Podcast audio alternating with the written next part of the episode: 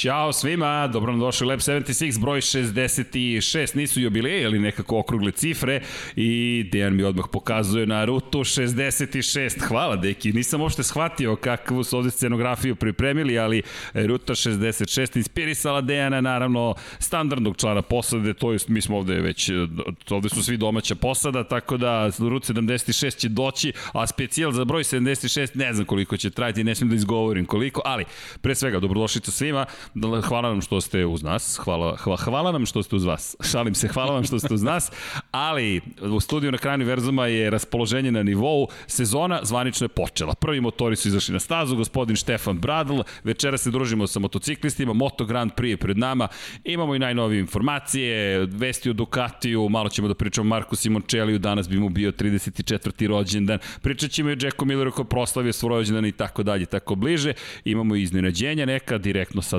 Dakara, svašta ćemo nešto da pričamo. Deki, za početak, jesi mi dobro? Ćao, super. Nedostajao si mi prošle nedelje. Mogu ti reći više da. nego ikada si mi nedostajao prošle nedelje, ali je bilo zabavno. Dobro, više sila je bila, eto. Izgorao si super. Da, da, bilo je bilo da, interesantno, jest, da. Gospodin jest. Đankić, ja sam rekao da neće biti sa nama i ovoga puta sam, sam, sam bio precizan. Nažalost nije sa nama, ali vidit ćemo. Da se naći se pojaviti. Sada je dobio nove smene, sada je u NHL vodama. Dakle, malo kako smo ga zgrabili za Moto Grand Prix, dobio hakiješke vode, ali to je isto dobro. Ukoliko želite čujete Đanki Bevigi glas, pratite kanale Sport kluba, kao što smo negde najavili, Nacionalna hokeješka liga se vratila kući. Kolege iz NFL-a su malo primali podcast, topla preporuka, pratite YouTube kanal Sport kluba, gospodin Miksa i kompanija vode fenomenalan podcast. Dakle, najbolji podcast što se tiče NFL-a, najbolja emisija što se tiče NFL-a 99 yardi, mislim da sam sve ispromovisao što treba da ispromovišem. Nisam kupujte majice, mada strpite se, strpite se, pregovaramo s dobavljačima, gospodin Ivan koji vodi celu priču, mislim da će uspeti da, da obori cene, pa će biti još povoljniji za kupovinu. Mi smo jedina kompanija koja govori nemojte kupovati još naše majice, bit će jeftinije, ali ovde smo ne zbog majica, ovde smo zbog emocija. I kada je reč o emocijama, da krenemo. Izašli smo na stazu. Jerez de la Frontera, Štefan Bradl je seo na, kao probni vozač fabričke ekipe Honda, na motor za 2021. Nemamo vremena, ali imamo prvi kadar i to sa Instagrama, Moto Grand Prix zvaničnog i ne mogu da kažem baš da je kadar, makar je fotografija, ali deki, počelo je. Pa eto, konačno koliko smo ovaj podcaste imali bez ikakih informacija vezanih za vožnju, ono, bukvalno je bilo daj šta daš, ali ovo, ovo je super, eto, konačno da, da imamo i, sliku kao dokaz da se stvarno nešto dešava. Dešava se, dešava se, da. Štefan Radlo jedini ima pravo, evo ga, taj moment, crna Honda sa brojem 6 i Prvi motocikl u 2021. na stazi, inače danas i sutra, ovo je gospodin Štefan Bradal, ono je HRC Moto Grand Prix. Kod Vanje je sve i tagovano, odmah da se zna, da se ne zbunite ko je ko i šta je šta u celoj priči.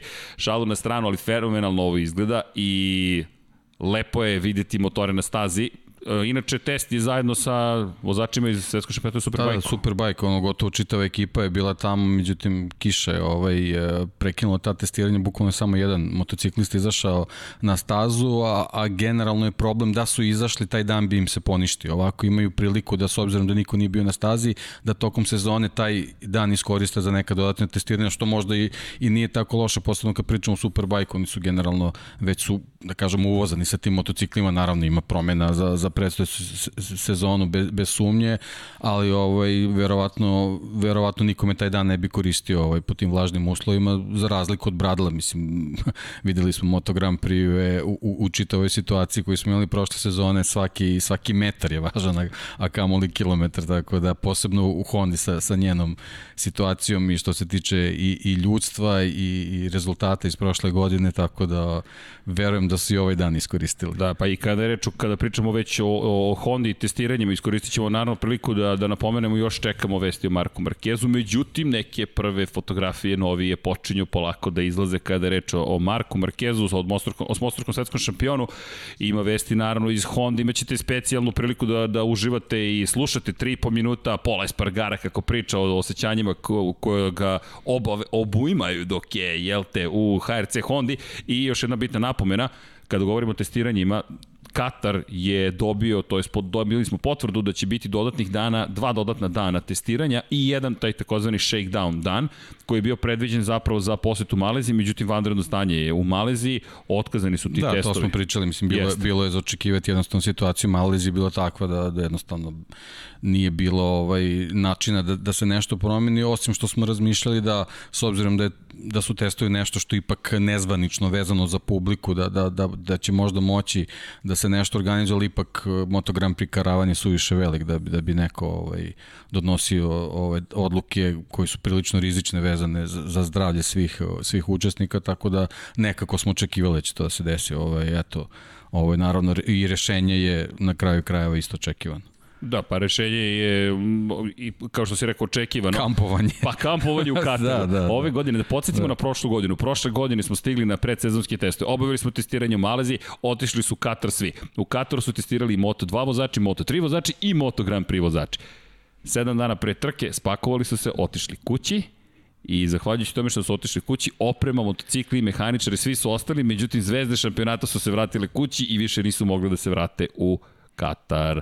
Stoga smo imali trke Moto2 i Moto3 kategorija, Moto Grand Prix nismo, međutim ove godine mislim da si savršeno opisao situaciju koja nas čeka, kampovanje. Kada uđe u Katar, dok se ne održe sve tri trke, mislim da neće napustiti Losail, da neće Dohu napustiti, što je, rekao bih, svima ok ove godine, bez obzira da li imaju Tako čime je. da se zabave ili ne, ovo je veće od zabave, ovo je šampionat sveta i ovo je generalno planeta Zemlja, da se pok da sami sebi kao ljudskoj vrsti pokažemo, ok, pregurat ćemo i ovo i pojave nove varijante, to je nove mutacije virusa i čekanje na vakcinu, na lek, Ne, poruka sportista mora, trebalo bi makar da bude, tu smo, nije, nije bitno koliko moramo da budemo u hotelima, to je poruka i negde sa međunarodnog prvenstva u tenisu u Australiji, sedimo u hotelu i čekamo. To je, to, to im je sada neka vrsta društvene obaveze, ovo je veće od sporta i mislim da si u pravu da će sedeti, biosfera je pokazala u Formuli 1 u Jas Marini, pa i Bahreinu, da je i tekako održiva, šta je biosfera,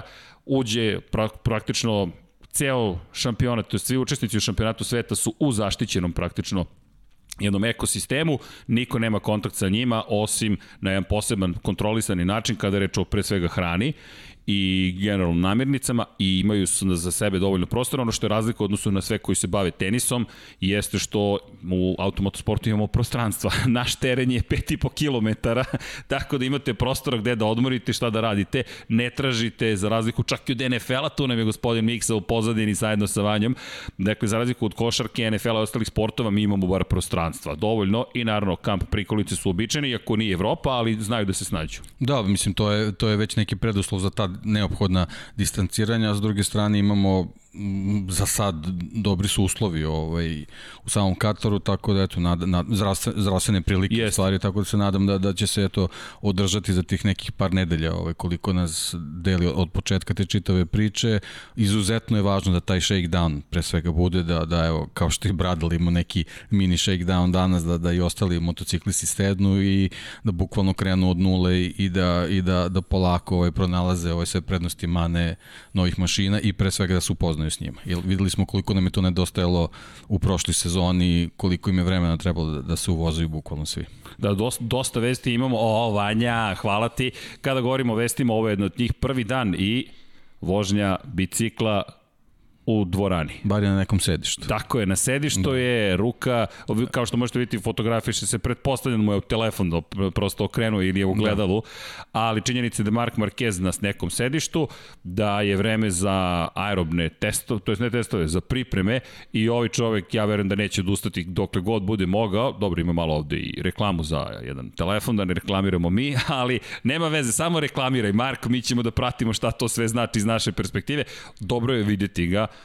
da se priprema na da, kakav god da, način. Aktivnosti kreću, samo eto čekamo da, da, da, se, da se skine ta, ta bandaža sa ruke i jednostavno da vidimo da ga vidimo da, da, da kreću neke pripreme ovaj, kao i ostali vozači kao što vidimo već su neke visinske pripreme počele vožnje ovaj, bicikala, motokroseva, superbajkova, svi, svi su nekako angažani, vidimo da je Rossi angažovan i u automobilima, jednostavno osjećaj brzine je neophodan, on, on mora da se održava, Marquez, nažalost, još nije na tom nivou, ali eto, nadam ali se da će ih pristići polako. brzo. Da, I kada da, da. spominješ da. Rosija, a Vanja, Vanja, čita misli uveliko, evo ga početak sezone za Valentina Rosija, ovo smo negde spominjali, uslovno rečeno, ali nismo se nužno previše bavili, međutim, Rossi je započeo godinu zapravo trkanjem i otišao je u Jas Marino, otišao je u Abu Dhabi, 12 časova zaliva i kada govorimo o Ver Akademiji, Akademija je već svoje pokazala i predstavila se zapravo na početku godine u trci izdržljivosti.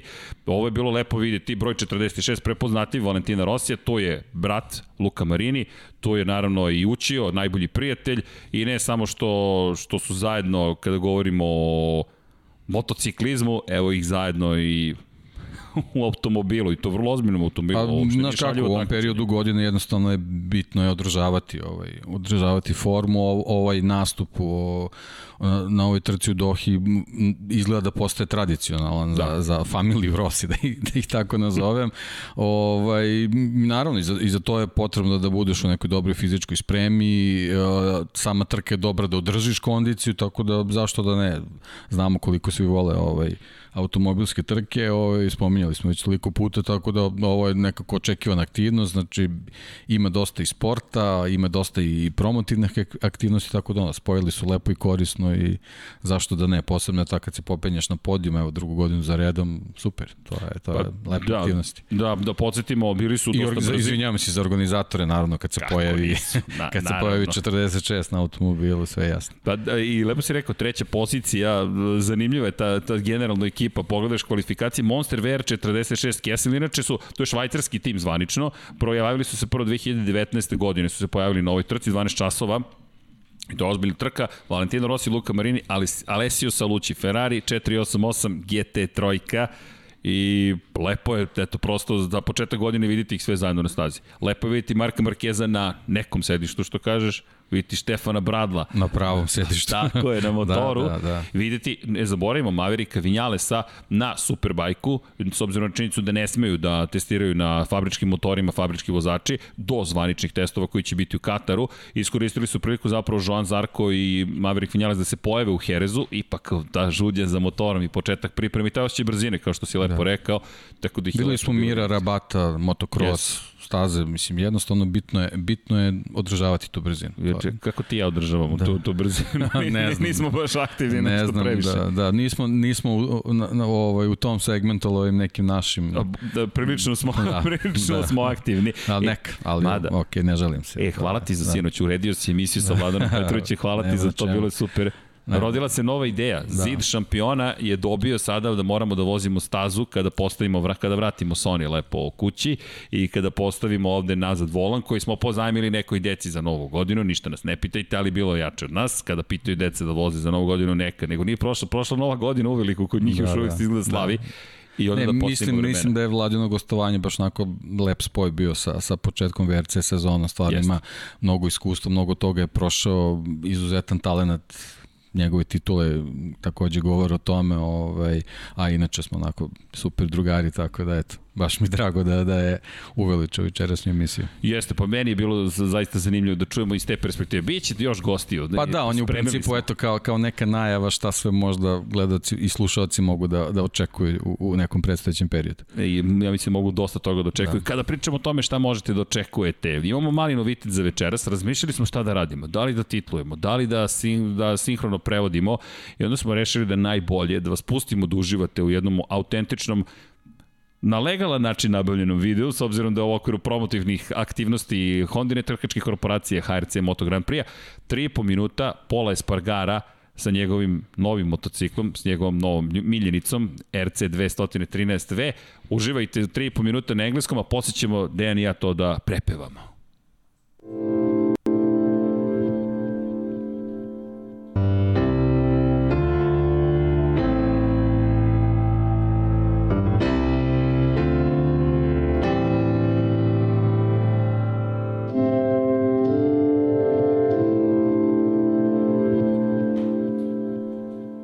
Wore these colors, uh, it's something like it feels feels amazing because I've been a lot of years uh, seeing the best riders in, in the world winning titles and, and races. These colors means the position of winning it's the glory.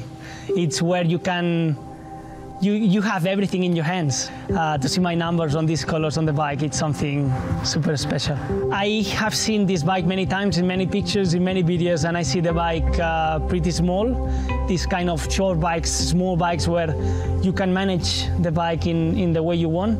They tend to move a little bit more. It's the kind of bike I like to ride. You know, you have uh, a big input on the bike. You are the guy telling to the bike you need to do that, and sometimes for sure you need to force the bike to make one thing that maybe the bike doesn't want to, but it's my way of doing. The main goals for this season cannot be. It, it cannot go for uh, another way than not uh, being on the podium or trying to win races or even win the world title. We need to improve the result of last year. It was good, but I think it can be better and I, I will try it. The first year is not going to be easy, but I did not come in, in Repsol to play for the top six in the championship.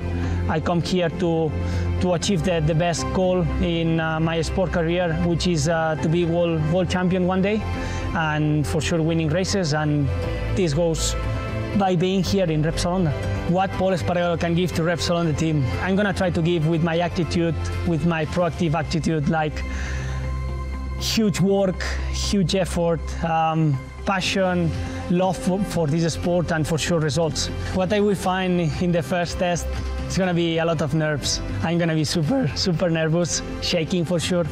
You know, the day before, uh, for sure I would not sleep because this is a, a chapter in my life that I, I've been always trying to imagine. But you know, I'm I'm just looking forward to that moment. It's it's a moment where I, I think I will remember for the rest of my life, and I want really to enjoy it. To share the team with Mark, it's I think this was one of the reasons I wanted to come in Repsol Honda, you know, because I've been fighting with Mark in smaller categories many years, many times, and I had so much fun. And I, I think I have grown with him fighting race by race, and, and this makes me why not the rider I'm today? You know, when you fight against one of the best riders in the world, um, you you tend to improve much faster. So the best way of improving yourself is to be beside the guy same or even better than you. So that's why I move because I want to see my level in compared to Mark, which I think it's for sure at the moment the best one of the of the grid. It's a dream because I've been when you imagine a lot of times dressing like that, or when you imagine a lot of times uh, riding a, a, bike like this one, and then you you finally do it, it's like yeah, you're achieving your dreams. It's I'm living, I live in my dream. Yes, hundred percent.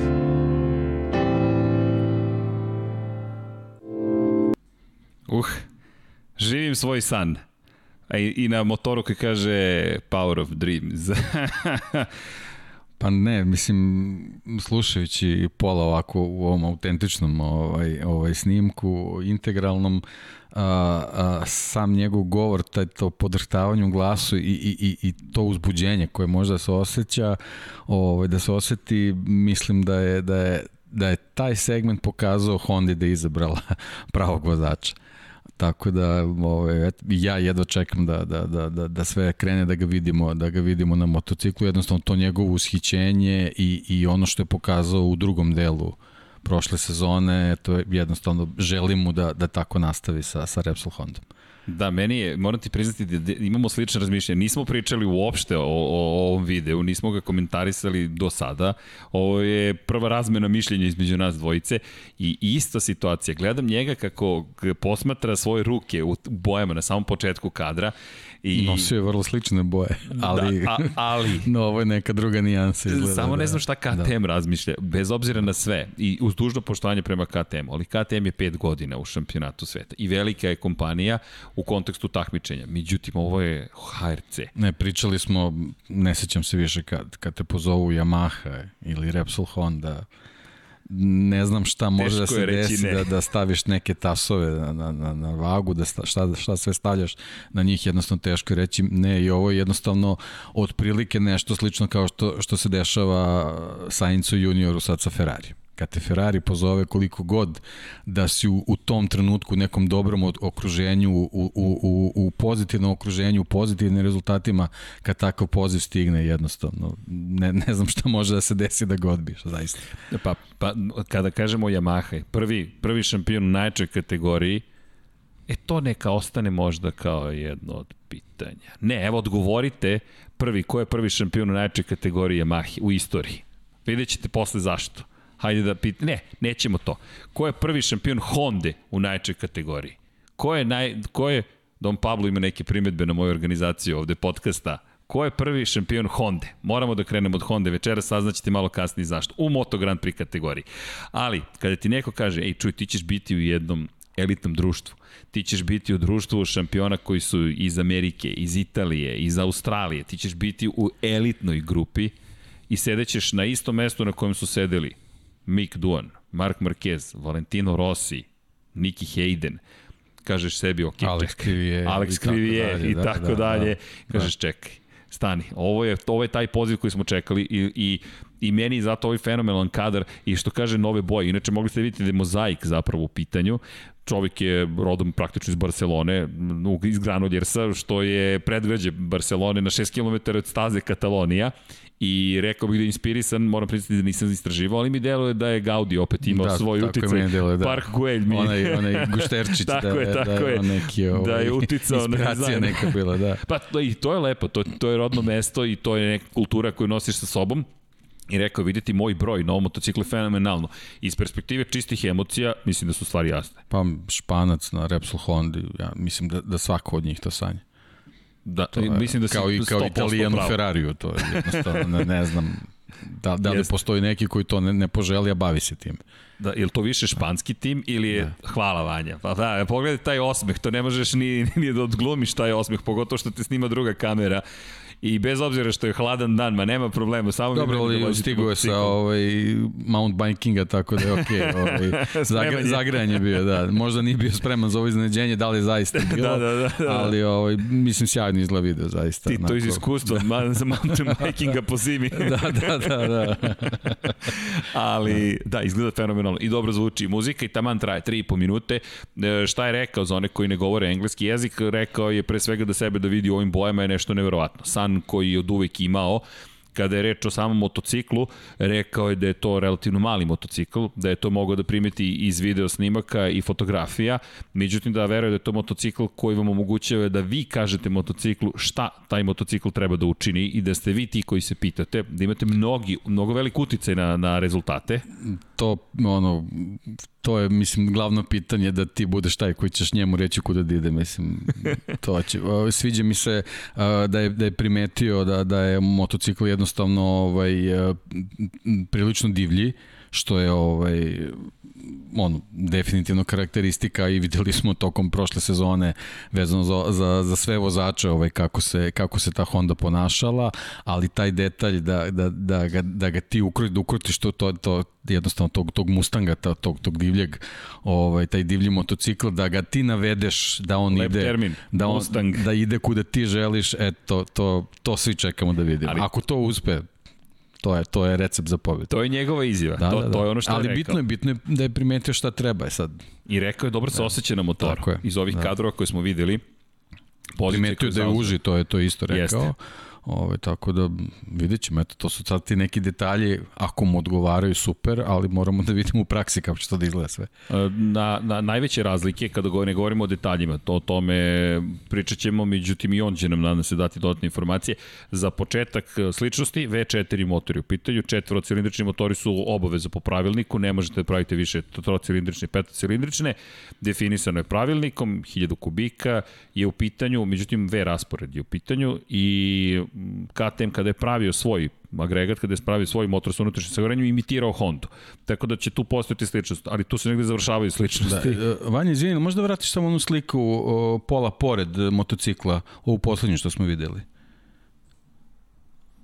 Da, ne znam koliko se tu vidi. Videli smo ovaj, neke nove aerodinamičke dodatke na Bradlovom motociklu. Ovaj, iz, da, iz ovog da ugla da ne može se vidi, ali dobro, možda ne mora da znači da, da je ovaj, Možda je bio i motocikl koji je tako da, pripremljen da, samo da. Za, za fotografisanje Pola Espargara. Međutim, ono što je razlika, čelik je ključna razlika zapravo KTM odnosno na sve ostale proizvođače takođe koristi WP oslanjanje, Olinsovo oslanjanje koristi već godinama unazad koristi da, Honda. Da, mnogo segmenta ima na koje Paul mora da. ovaj, sad da se Aluminijum. navikne, ali on jednostavno pet godina je u nekom, u, u, kako bih rekao, u, u jednoj ljušturi koju je sam razvijeo, sad sad dolazi u neku novu priču koju je pre svega on mora da se prilagodi, pa tek onda da, da krene da je usmerava ka svojim afinitetima. Tako da, mislim, nije, nije, nije lagan put za njega. Da, u svakom slučaju. Nije, nije, nije lagan put, ali to je ono što si hteo, to je ono što si rekao da možeš. I kada je reč o tom putu, ono što je takođe važno napomenuti, rekao je da činjenica da je od malih kategorija vozio protiv i sa Markom Markezom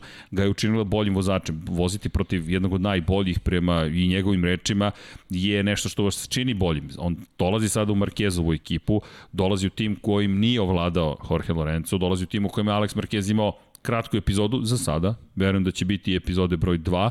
Za, za sada Alex biće na fabričkoj Hondi, ali Lučić i Kinelo Racingu ostaje na Hondi, to ono što je bitno za Aleksa Markeza, međutim ni on nije postao sastavni deo te ekipe. Poles Espargaro novi pokušaj praktično Honda da ojača svoj tim, ali i da ima neku vrstu rezerve, uslovno rečeno, za ono što se pa čak i desilo ove godine, a to jeste da, da su ostali bez šefa i vođe tima iz perspektive vozača Marka Markeza, tako da će biti interesantno.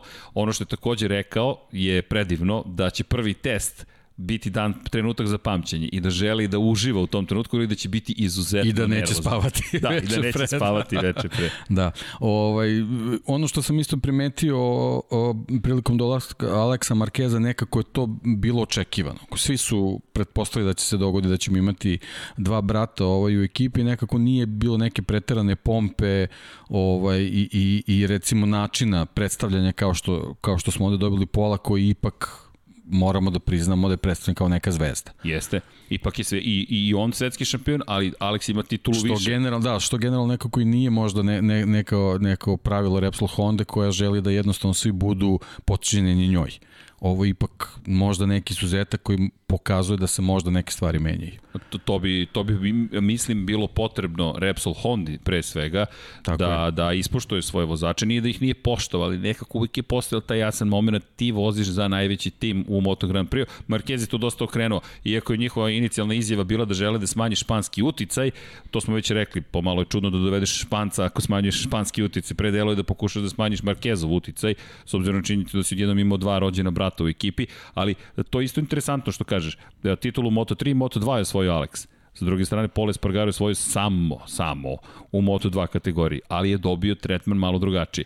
I konačno duže u Moto Grand Prix i ono što je uradio prošle godine na KTM-u bilo izuzetno i to je rekao, želimo da nastavimo dalje, da se i nisam došao u Hondu da bih se borio za plasma među najboljih šest, došao sam da nekada Tako u budućnosti postanem I ne, ne samo sveta. šta je uradio prošle godine, on je ipak čovjek koji je bio tu od početka, on je razvijao motocikl koji je prošle godine stigao do pobjede. Tako da to je, to je ta neka reputacija, ne, neki, neki, neki novi segment koji, je, koji slobodno može da, da pripiše ovaj svojoj karijeri koji će, koji će mu sigurno u budućnosti omogućavati neke, neke dobre angažmane. Jednostavno to je, to je nešto na čemu se gradi reputacija uz same pobjede ali lepo je videti ga već sada da se sprema, lepo je videti ga nervoznog, mislim da je to pozitivno, da pokaže i podeli s nama te emocije, konačno to su one emocije koje nam nedostaju, prosto ti nedostaje staza. I, i ono što jeste lepo, videli smo eto i, i Štefana Brada na stazi, videli smo Markeza kako se sprema, videli smo i Pole Spargara i ono što nam je bila naslov, a to je Ducati je potpisao i produžio ugovor za još 5 godina, do kraja 2026. to je do 2026. godine, ostaje u šampionatu sveta. Pa jako važna vest po meni, zaista, jer, jer posle svega što se dešavalo prošle sezone, ovaj, mogli smo možda da očekujemo i neke, neke šokantne informacije da, da, onako, da se blago izrazi. Međutim, ovaj, ovaj potpis nekako je olakšanje za sve nas, ovo je jednostavno izgubiti takvu marku koja, koja, pravi, koja pravi neki balast uh, u odnosu na, na japanske proizvođače u svetskom šampionatu, bukvalno trenutka od kad se pojavila, jednostavno bi bila, bila ogromna tragedija, posebno u ovom trenutku kad, kad Moto Grand Prix jednostavno ovaj, održava i, i, i nekako i dobija na, na globalnoj popularnosti možda je to u stvari i bio signal za, za, za, za Ducati da, da razmisli da, da donese ovakvu odluku kako su doneli. Deluje mi Evo ga, evo ga moment nasmejan i Vanja. Vanja uskače za one koji slušaju. Trenutno gledamo sliku Carmela Espelete koji djeluje kao da reklamira sat zapravo, ali ok, sve to deo posla i nasmejani Claudio Domenicali, izvršni direktor Ducatija, ne preterano popularan među navijačima Ducatija sa svojim odlukama o vozačima i o tome kako se pristupa i tretiraju vozači. Claudio Di Micali se često takođe mešao u, u stvari koje radi Gigi Dalinja. Mislim da čak smo ponekad Dalinju samo isticali, a Claudio Di Micali je direktno provocirao vozače i govorio o tome kakvi su ili kakvi nisu i smatrao da njegovo javno mišljenje treba da se čuje. To izvršni direktor kompletne kompanije. Ovo nije čovek koji je tek tako sa Carmelom Espeletom. Ne, to je najmoćniji čovek, Ducatija zapravo. I kada on kaže da je Jorge Lorenzo, na primjer, loš ili da treba da promeni svoj stil vožnje, to utiče na vozače. Tako da Claudio Domenicali nosi mnogo odgovornosti, ovoga puta u pozitivnom svetlu i mi smo nasmejeni što su produžili ugovor i jeste nam... Ovo je uzajemni interes, jeste. jednostavno. I potrebni su jedni drugima. A, apsolutno, apsolutno. Ne znamo sad da li je tu bilo nekih pregovora ili je jednostavno samo ugovor produžen, ali jednostavno ovo je treba, trebalo jedno, i jednim i drugim. Znaš šta mislim da je pomoglo? Ako bacimo pogled, ima jedna fotografija od prošle godine. Ha, Vanja je, Vanja je, gracije Danilo, gracije Andrea, Ducati, svetski šampion u 2020. godini. Mislim da je ovo bilo i te kako važno. Da se ovo nije desilo... Šta bi bilo? Šta bi bilo? Bolje, bolje da ne, bolje da ne znamo. bolje da ne znamo bolje da, da ne razmišljamo o tome. Da, da. Jer kako pogledaš, Suzuki je bio na putu trostruke krune. Pre toga ne smemo zaboravimo, imamo da, šest da. Ducatija na gridu. Šest Ducatija i... ne smemo da zaboravimo to. Samo jednom u istoriji su da, osvojili da. titulu u šampionatu vozača 2007. s Casey Stonerom i samo jednu titulu u šampionatu konstruktora te iste 2007. A imaju najveći broj pojedinačnih motocikala. I mnogo ulažu u Moto Grand Prix, nemaju titulu. Nemaju titulu 13 godina. Joan Mir osvoji titulu u pojedinačnoj konkurenciji za Suzuki posle 20. Ne pobediš tu u šampionatu timova, ne pobediš, pobedi Suzuki, čak ne ni Yamaha, posle one kazne koje imala, ali ti pripadne titulu u šampionatu konstruktora to je velika stvar. Drugi put u istoriji Ducati, zvanično, najbolji motocikl sportski trkački na svetu. Jeste, ali bez obzira na sve to, za, za eto ovih deceniju i po proteklih Uh, nastup u Moto Grand Prix je, je zaista, zaista imao veliki uticaj na, na, na građenje novog imidža brenda. Jeste. Tako da to su sve stvari koje su sigurno ovaj uzeti u obzir, tako da mislim da, da je ovo prava odluka. Pa i kada pogledaš... Ne samo navijački, ne. generalno. Dečački. Pa da. Radosni smo. Da. Radosni smo. Ali zanimljivo je kada pogledaš Ducati, ono što je meni super jeste da za relativno malu fabriku, kada govorimo o čistim brojkama, to je 55.000 motocikala izađe iz Bolonje godišnje, Honda izbaci 12 miliona motocikala, to su neuporedive kategorije, mada u Superbike kategoriji tu su brojke malo izjednačenije, no ono što je meni zanimljivo, zvezde koji su oni dovodili. E, Casey Stoner je zajedno sa Ducatim postao zvezda. Valentina Rosija su doveli. Doveli su i Nikija Haydena, kada ga Honda nije više želela. Imali su vrlo interesantan izbor u vidu Jorge Lorenza. Andrea Dovizioso je takođe postao zvezda kroz Ducati. Realno nije bio tako velika zvezda niti u Yamahi, bez obzira na treću poziciju šampionatu sveta, u jednoj sezoni u Tech 3, niti u Hondi gde je imao samo jedan triumf po kiši. Zajedno su se nekako izgradili, pa si povukao potez sa Jorgeom Lorencom i stalno si imao neku priču Ducati, oko Ducatija. Tako da Ducati je odradio to što si lepo rekao, super posao iz te perspektive. Super posao urađen, e, e sad jedino baš to što si rekao, možda, možda se suviše bave ljudstvom, vozačima, a, a nije možda dobro izrađena ta neka infrastruktura, ne infrastruktura, nego, nego struktura, struktura koja bi im omogućila da zaista imaju a, pobedničke motocikle. Znači, očigledno, iz čitave ove priče ispadne da, da je titula stigla samo zato što je tada u ekipi bio Casey Stoner da je, da je možda bio neki drugi vođač, možda bi tu nedostalo nekih 5, 10, 15 poena, možda bi, možda bi stalno bila neka borba kao što smo videli ovaj, uh,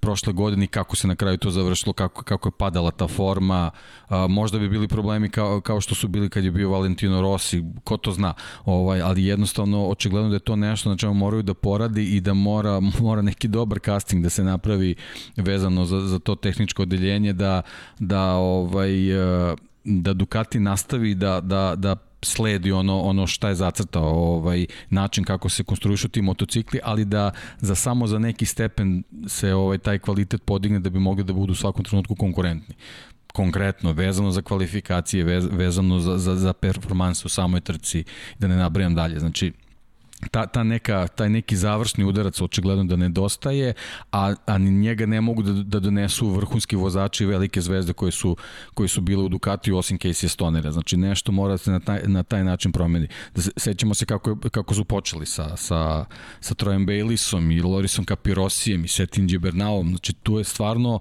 plejada vrhunskih uh, motociklista bila, doneli su veliki broj pobjeda, ali, ali te neke ključne stvari da, da se Ducati nađe na samom vrhu i da tu ostane, e u tome nisu uspeli to je nešto što, što mora da se uradi sad u ovom periodu za 2026. godine. Zanimljivo da si izjavio ka konstrukcija Ducatija. Da. Ja bih iskoristio ove zimske mesece da se pozabavimo konstrukcijom Ducatija i da pokažemo malo drugačiju konstrukciju Ducatija. Pro, na prošlog, prošlog podcasta javio se Aleksa Olimpijević, ako se ne varam, na komentarima i spomenuo jednu posebnu konstrukciju. Vanja, ako bismo mogli da bacimo pogled na Panigale V4R Lego.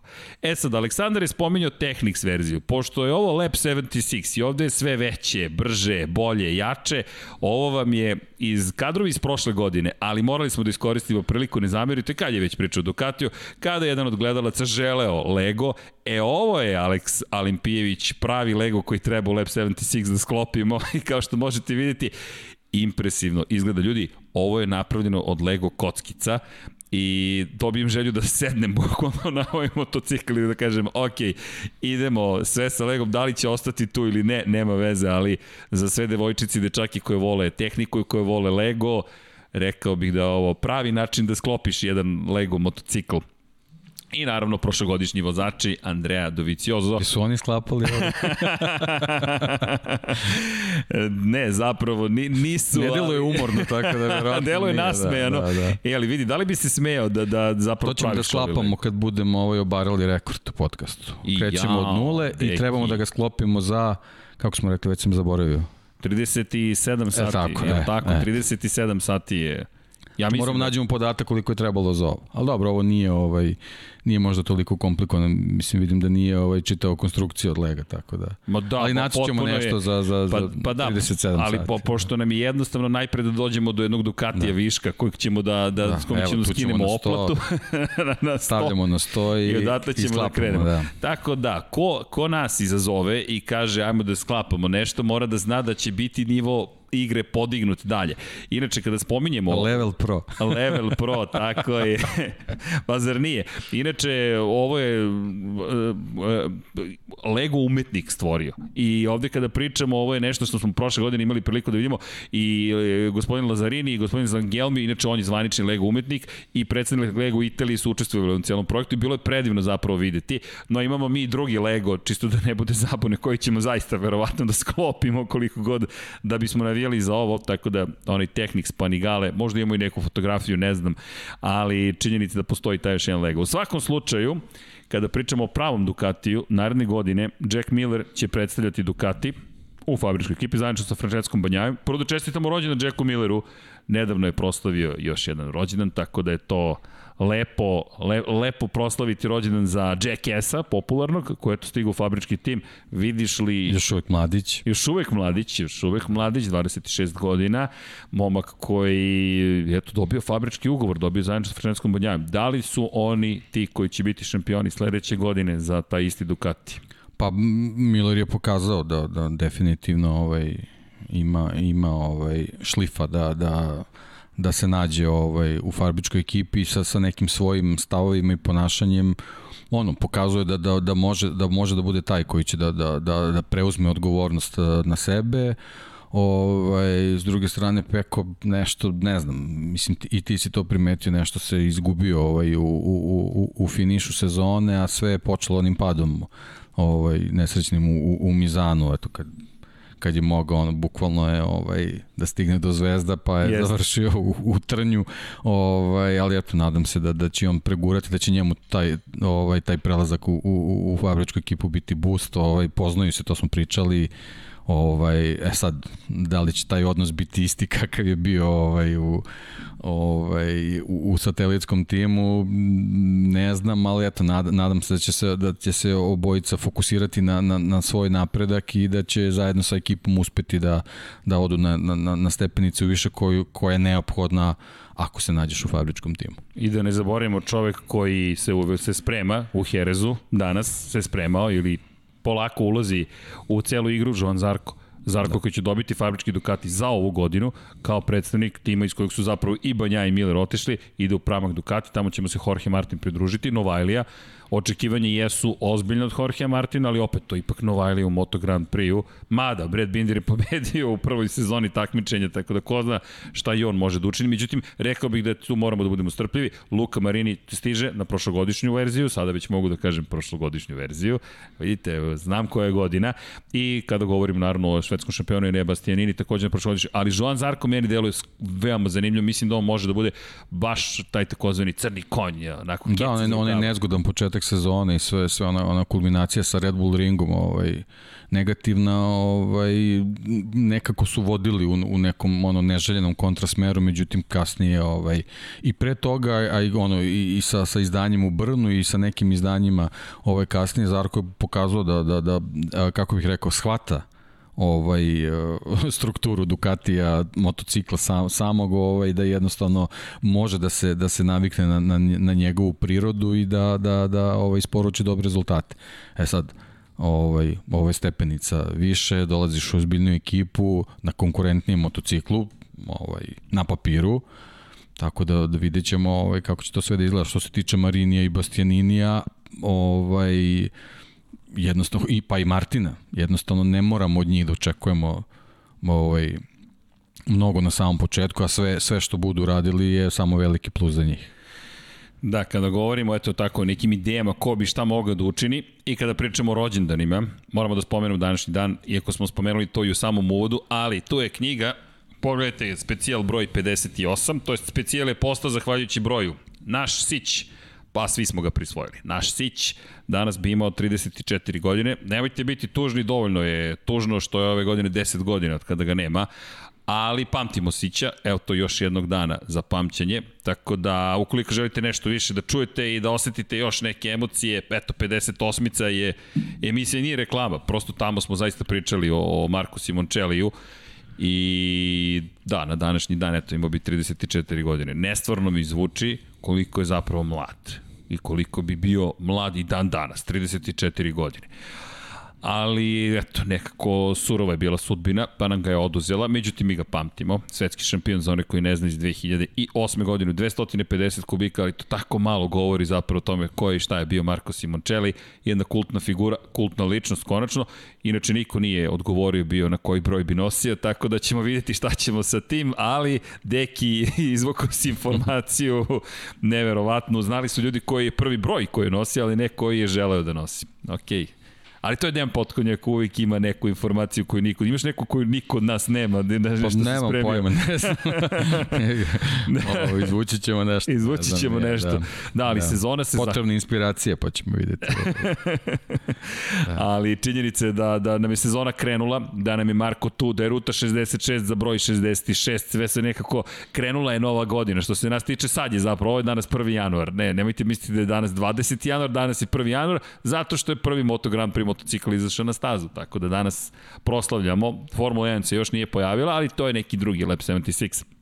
No, imamo mi još vesti i događanja iz sveta dvotočkaša kada govorimo o motociklima. Spomenuli smo da su u Herezu svetski, predsednici svetskog šampionata u Superbajku i od da imamo vesti. Vrlo interesantno, Leon Camille je novi menadžer ekipe Honda u svetskom šampionatu u Superbajku. Ne mogu reći da sam baš nužno očekivao, ali nije ni da je ogromno iznenađenje. Pa da, nije ovaj nije ogromno iznenađenje, ali nekako ovaj ne, ne znam, da, da, da smo neku priču poveli ovaj, oko toga, ne verujem da, da bi ga stavio u, ovaj, u ono ozbiljnije razmatranje, ali u svakom slučaju mi je drago zašto se pojavljuje ponovo vozač ovaj, na, na, na toj poziciji i to je vozač koji bi istaknut u tom šampionatu, tako da Jest. vrlo dobro poznato okruženje, jednostavno živi život u, u tom svetu, tako da eto sad, sad nastavlja ovaj, nekoj drugoj funkciji i ovaj, pre svega mi je drago što, što je on ta osoba. Da, inače za one koji ne znaju Leona Kamijeja,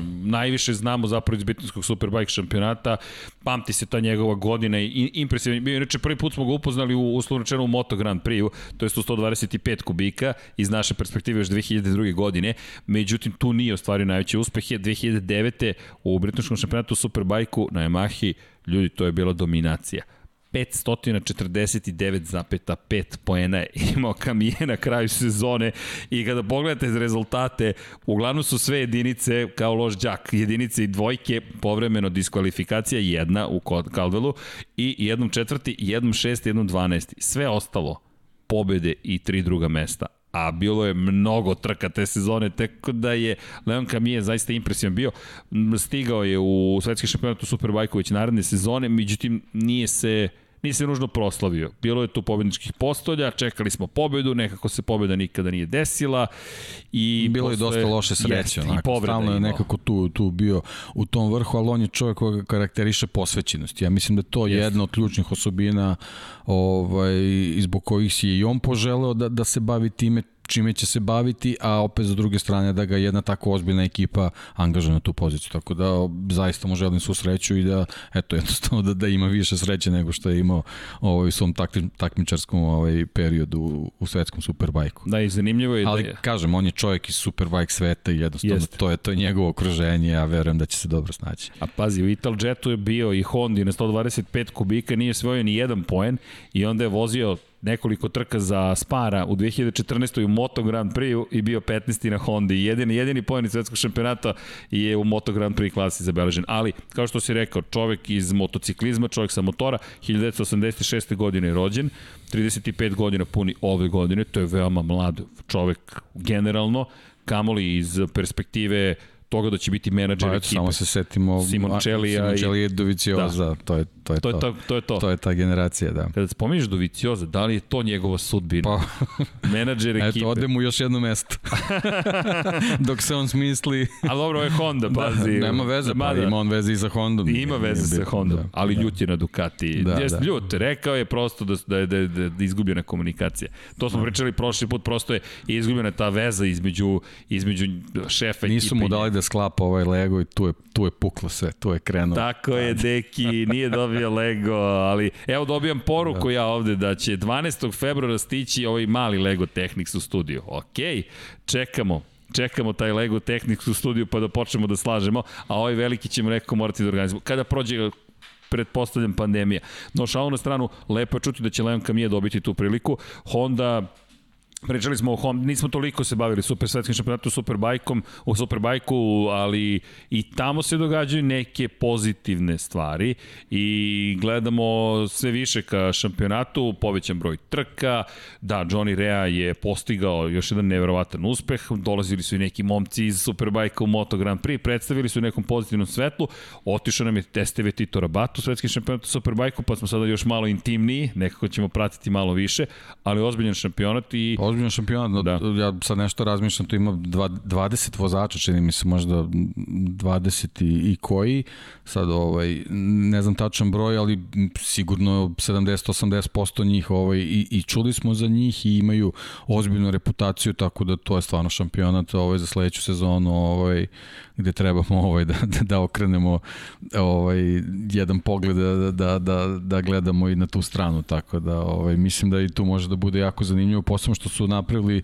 to smo pričali prošli put, da se sad ne ponavljamo, jako dobar sistem takmičenja, tako da mislim da, da ovaj COVID njih toliko neće, neće da poremeti bez obzira kako se situacija ovaj bude odvijala, da i u slučaju odlaganja nekih trka oni će imati zbog tri trke po trkačkom vikendu mogu da imaju zadovoljavajući broj trka da to stvarno bude zanimljivo i, i sa velikim brojem takmičenja. Činjenica malo se ponavljam, ali to nam je negde i Pa i, dobro, da, posao, samo da. da napomenemo. Moramo kad su već krenuli Jeste. sa testiranjima, Tako moramo je. da, da ali, prođemo sve. Ali vidi, da, ja mislim da, da nekako čak nije ni ponavljanje. Ja sam da. uvijek srećan, ali možda sam samo ja zaluđenik za, za motore, ali spomenuti 24. aprila kreće sezona u Superbajku i krećemo iz Holandije, kao što si rekao, Asen, pa Portugalija, to je Estoril, da ne bude zabune, Estoril će isto biti domaćin, imamo i Portimao, Aragon je sledeći, pa idemo u Mizano, pa Donington, pa zatim Manji Kur, Francuska, zatim dve trke u Španiji, Katalonija pa Jerez, pa onda idemo u Portimao, pa onda verovatno u Argentinu, to bi trebalo 16. oktobra, pa u Indoneziju, pa na ostrvo Filip,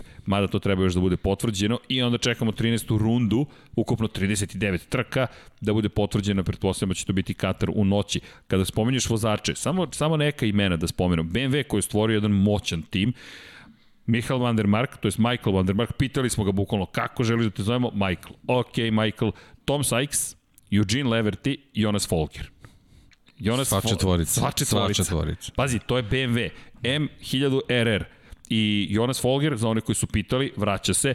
Timovi, imate zvanični fabrički tim, Van der Mark i Sykes, imate RC Squadra Corse, Leverty, satelitski, tako, satelitski. da, tako ćemo ih zvati, tako da. ćemo ih zvati, da. da. Privatni tim. Da, da, priva, privatni tim i Bonovo Action, Jonas Folger. Jonas Folger koji je redak nemački vozač i samim tim verujemo da će imati podršku nemačkog proizvođača. Ducati Panigale V4R, Zanimljivo. Ruben Rinaldi, Mikael Ruben Rinaldi, Scott Redding. Scott Redding, koji je osvojio titulu u britanskom šampionatu u Superbajku i koga znamo iz Moto Grand Prix, Chase Davis i zatim Tito Rabat. Koji je promenio tim. Tako je, ali Tito Rabat je šampion sveta u Moto2 kategoriji. Imamo, tu još čekamo neka imena.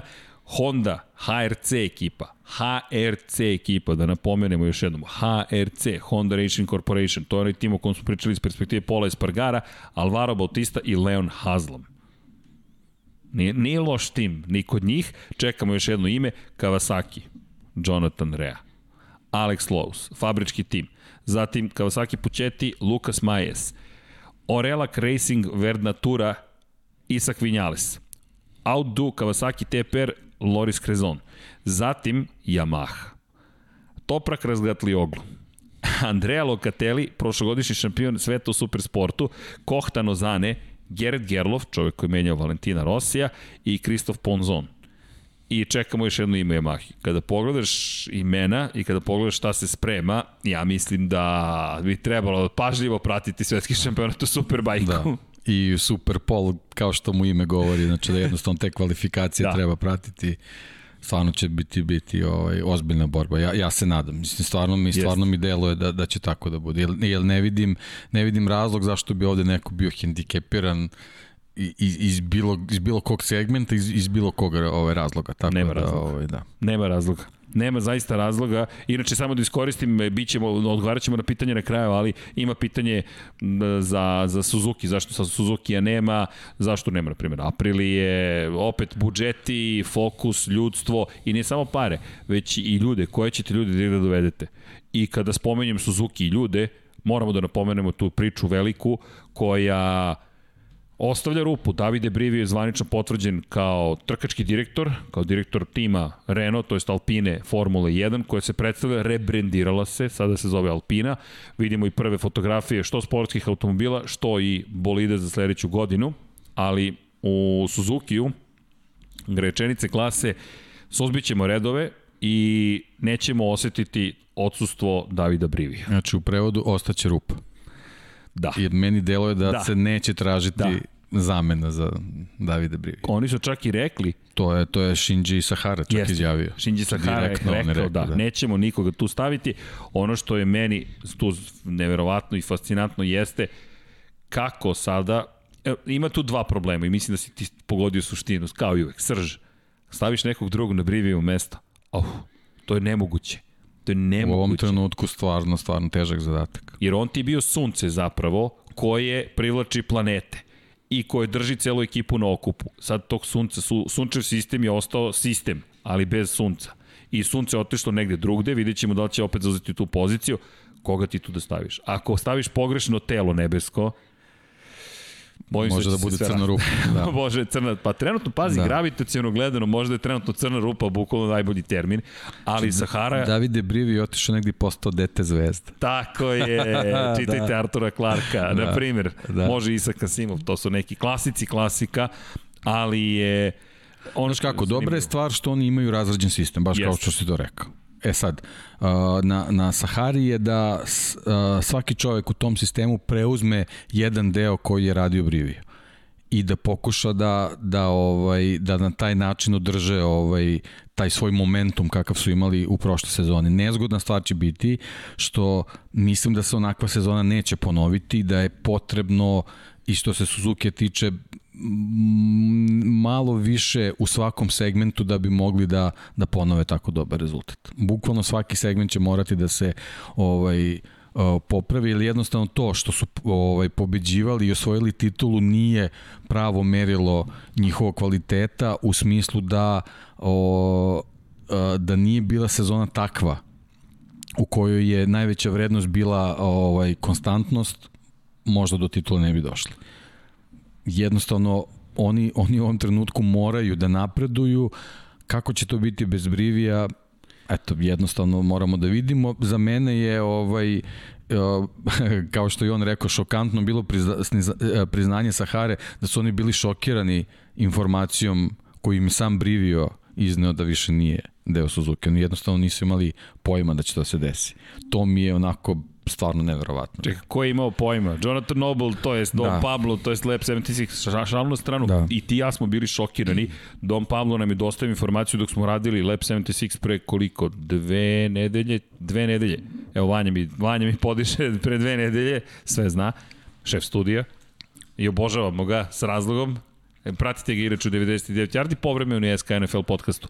Ali činjenica je da smo dobili tu informaciju i ti ja smo se pogledali rekli. No, kakvim god, god, god promenama da smo pričali u Moto Grand Prix, niko ne bi pomislio da Brivi u ovom trenutku i razmišlja da odi Suzuki. Šef šampionske ekipe ne kaže ti ljudi planiram za neko vreme nešto da promenim u svom životu. Ne, nego ti kaže, znate šta, ja odoh u Formulu 1 da budem šef ekipe fabričke Renaulta jednostavno razgovarao sa, sa svojim lekarom koji mu rekao, znaš šta, tamo će ti mnogo niži puls biti, idi ti da, da, u da, Alpinu, da, tamo je mnogo bit će sve u redu, da, da. da deki, ne treba ti još jedna sezona kao prošla.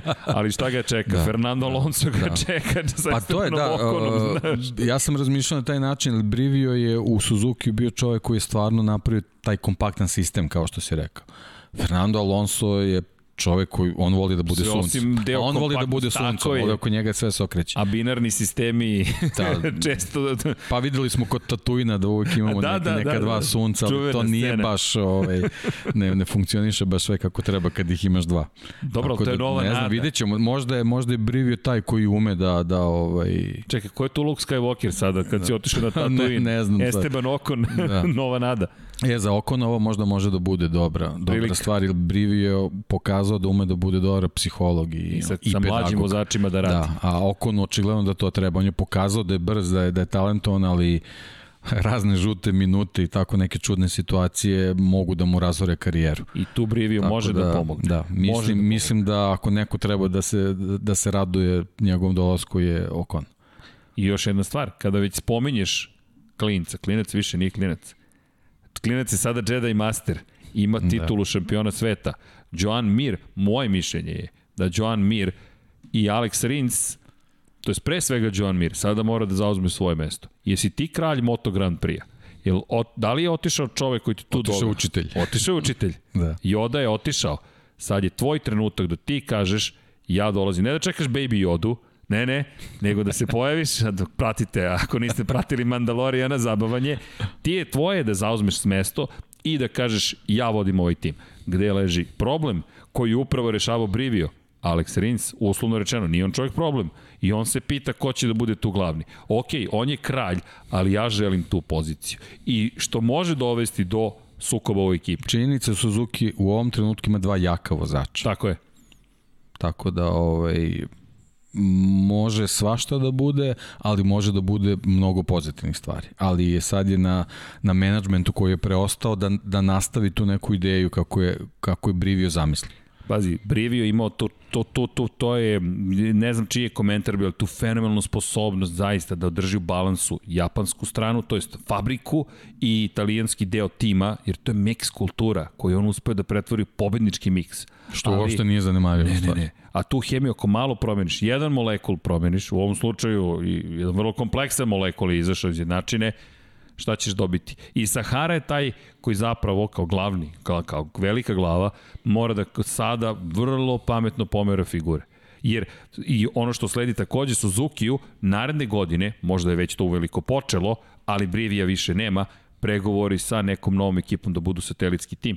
Čak možda će ovim satelitski program biti ugrožen, jer ukoliko ti ne možeš svoju kuću da drži pod, pod, u, u, pod redom, u redu, da li si sposoban da uđeš u saradnju sa, na primjer, Valentinom Rosijem, koji je sila za sebe, to je galaksija da. ti cela stiže. Stiže ti novi sunčev sistem, kako ćete vi... I, i, i to što si rekao što nije uopšte zanemaljiva stvar, uh, taj sukob ovaj, filozofija, ako sad jedna prevagne, odnosno druga, vidimo kako recimo Ducati funkcioniše sa samo jednom filozofijom, Ovaj, to može, može da bude nezgodna stvar. E, dobra stvar za Suzuki je što su stvarno prošle sezone pokazali da su u sklop vrhunskih profesionalaca u svakom segmentu. E sad, da li ti vrhunski profesionalci mogu da funkcionišu sami ili im je neophodan dirigent, to, to ćemo da vidimo. Jednostavno, filharmonija je bila dobra, ali ovaj, dirigent je otišao, tako da Vidjet ću. Nisu to lake stvari. Da, Dirigent da. uvek donese neki novi stil. Da. Pratimo, sa ozbiljnom pažnjom ćemo da pratimo šta se tamo, šta se dalje To događa. je ono kao, kao kod Ducatije. Znači oni su definitivno pokazali da kvalitet postoji, ali, ali tu sad treba da se, da se iskristališe taj, taj mali procenat koji, koji ih uh, razdvaja od dobrih uh, ka, šamp, ka šampionskim. To je ono što, što možda može da im nedostaje. Uh, ovaj, i što može da im nedostaje odlaskom Brivija. E sad, da li, da li je samo to taj deo, vidjet ćemo kada već spominjemo i zamene i bitke i ko će na koju poziciju razmišljam, istovremeno Polo Espargaro koji je stigao i razmišljam sada o dva jaka vozača. Ti bi trebalo, na papiru imaš Mark Marquez i Polo Espargara. Mark Marquez videli smo i na kadrovima. Ko se pridruži kasnije, pozdrav svima koji ste stigli. Na početku emisije smo pokazivali kadrove sa Instagrama gde sedi na, na, na biciklu i trenažnom biciklu, sobnom biciklu i ne trenira, ali vidimo ga da se sprema polako ili sigurno Mark Marquez. Međutim, postoje se to pitanje kada ćemo ga vidjeti zaista na stazi i na motociklu. Ono što je zanimljivo, dosta se pričalo o tome da bi Andrea Doviciozo mogao da zauzme njegovo mesto. Međutim, Marquez je zvanični vozač, Poles Spargaro je zvanični vozač. Mi verujemo da do maja praktično nećemo imati Marka Markeza koji sme da rizikuje da sedne na Moto Grand Prix motocikl, verovatno i na bilo koji motocikl pitanje se postavilo da li Andredović je za rešenje. Zanimljiv komentar je dao, baš zanimljiv, Oliver Puigdemont je čovek koji piše za motorsport, za špansku verziju pogotovo, German Garcia Kazanova je koautor bio tekst u kojem su pričali sa Santim Hernandezom, šefom ekipe Marka Markeza, koji je rekao da po njegovom mišljenju mnogo više smisla ima Štefan Bradl kao neko ko menja Marka Markeza i da bi po njegovom mišljenju trebalo zapravo to bilo da, da, da to bude pravi izbor i da za njega ne bi bilo normalno da Vitiozo potpiše da zameni Marka Markeza. E sad, da ne svedemo sve na tehničku analizu, nemojmo zaboraviti da ukoliko do Vitiozo dođe, da li to znači da će Mark Marquez ostati bez toga angažmana i da li to znači da će onda Santi Hernandez takođe ispasti iz ekipe Honda. Da, što je ono, jednostavno logično da vozač koji Tako dođe je. želi svoju ekipu ko sebe, bez obzira a, nije poenta da ne želi ove druge, nego on jednostavno želi svoj tim, tako da ovaj, to, je, to je pravo pitanje. I, i, i iz te perspektive gledamo vrlo pažljivo šta se od, događa, čitamo između redova takođe, nije tek tako pročitati eto, Santi Hernandez kaže bi bi bolji. Pa da, ali tvoj vozač je Mark Marquez. Kako da ne kažeš da bi bio bolji neko drugi ko suštinski nema mnogo velike šanse da ugrozi poziciju Marka Markeza.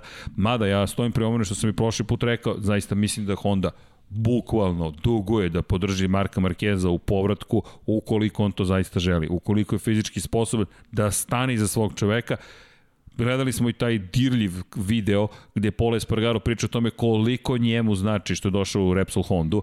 Zaboravili smo već te izjave koje je davo Mark Marquez kada je stigao u Repsol Hondu, toliko je dominantan vremenom postao, ali nemoj zaboraviti njegove snove i tu moć snova, krilaticu koju ima Honda, koja zaista stojim pri tome, mora da stane u svog šampiona. Zaista mora da stane u svog šampiona.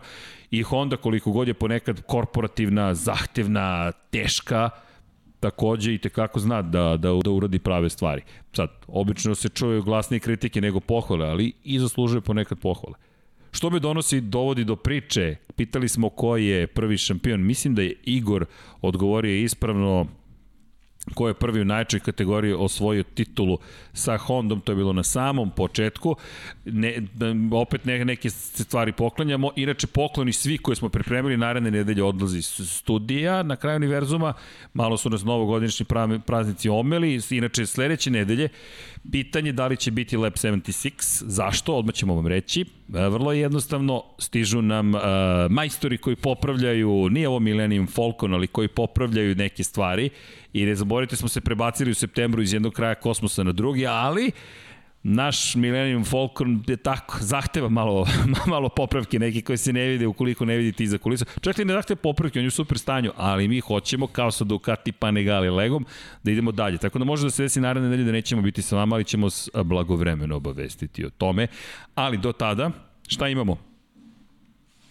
Pa Deda Mraz je stigao, stigla nam je jedna torba, direktno sa Dakara, nije baš sa Dakar, ali ima veze sa Dakarom, pa ćemo malo da poklanjamo neke stvari. Molim svako ko nešto dobije da se javi na Lab76 at infinitylighthouse.com, a posetite website, možete da kupite majice, ali kažem, bit će niže cene, tako da sačekajte.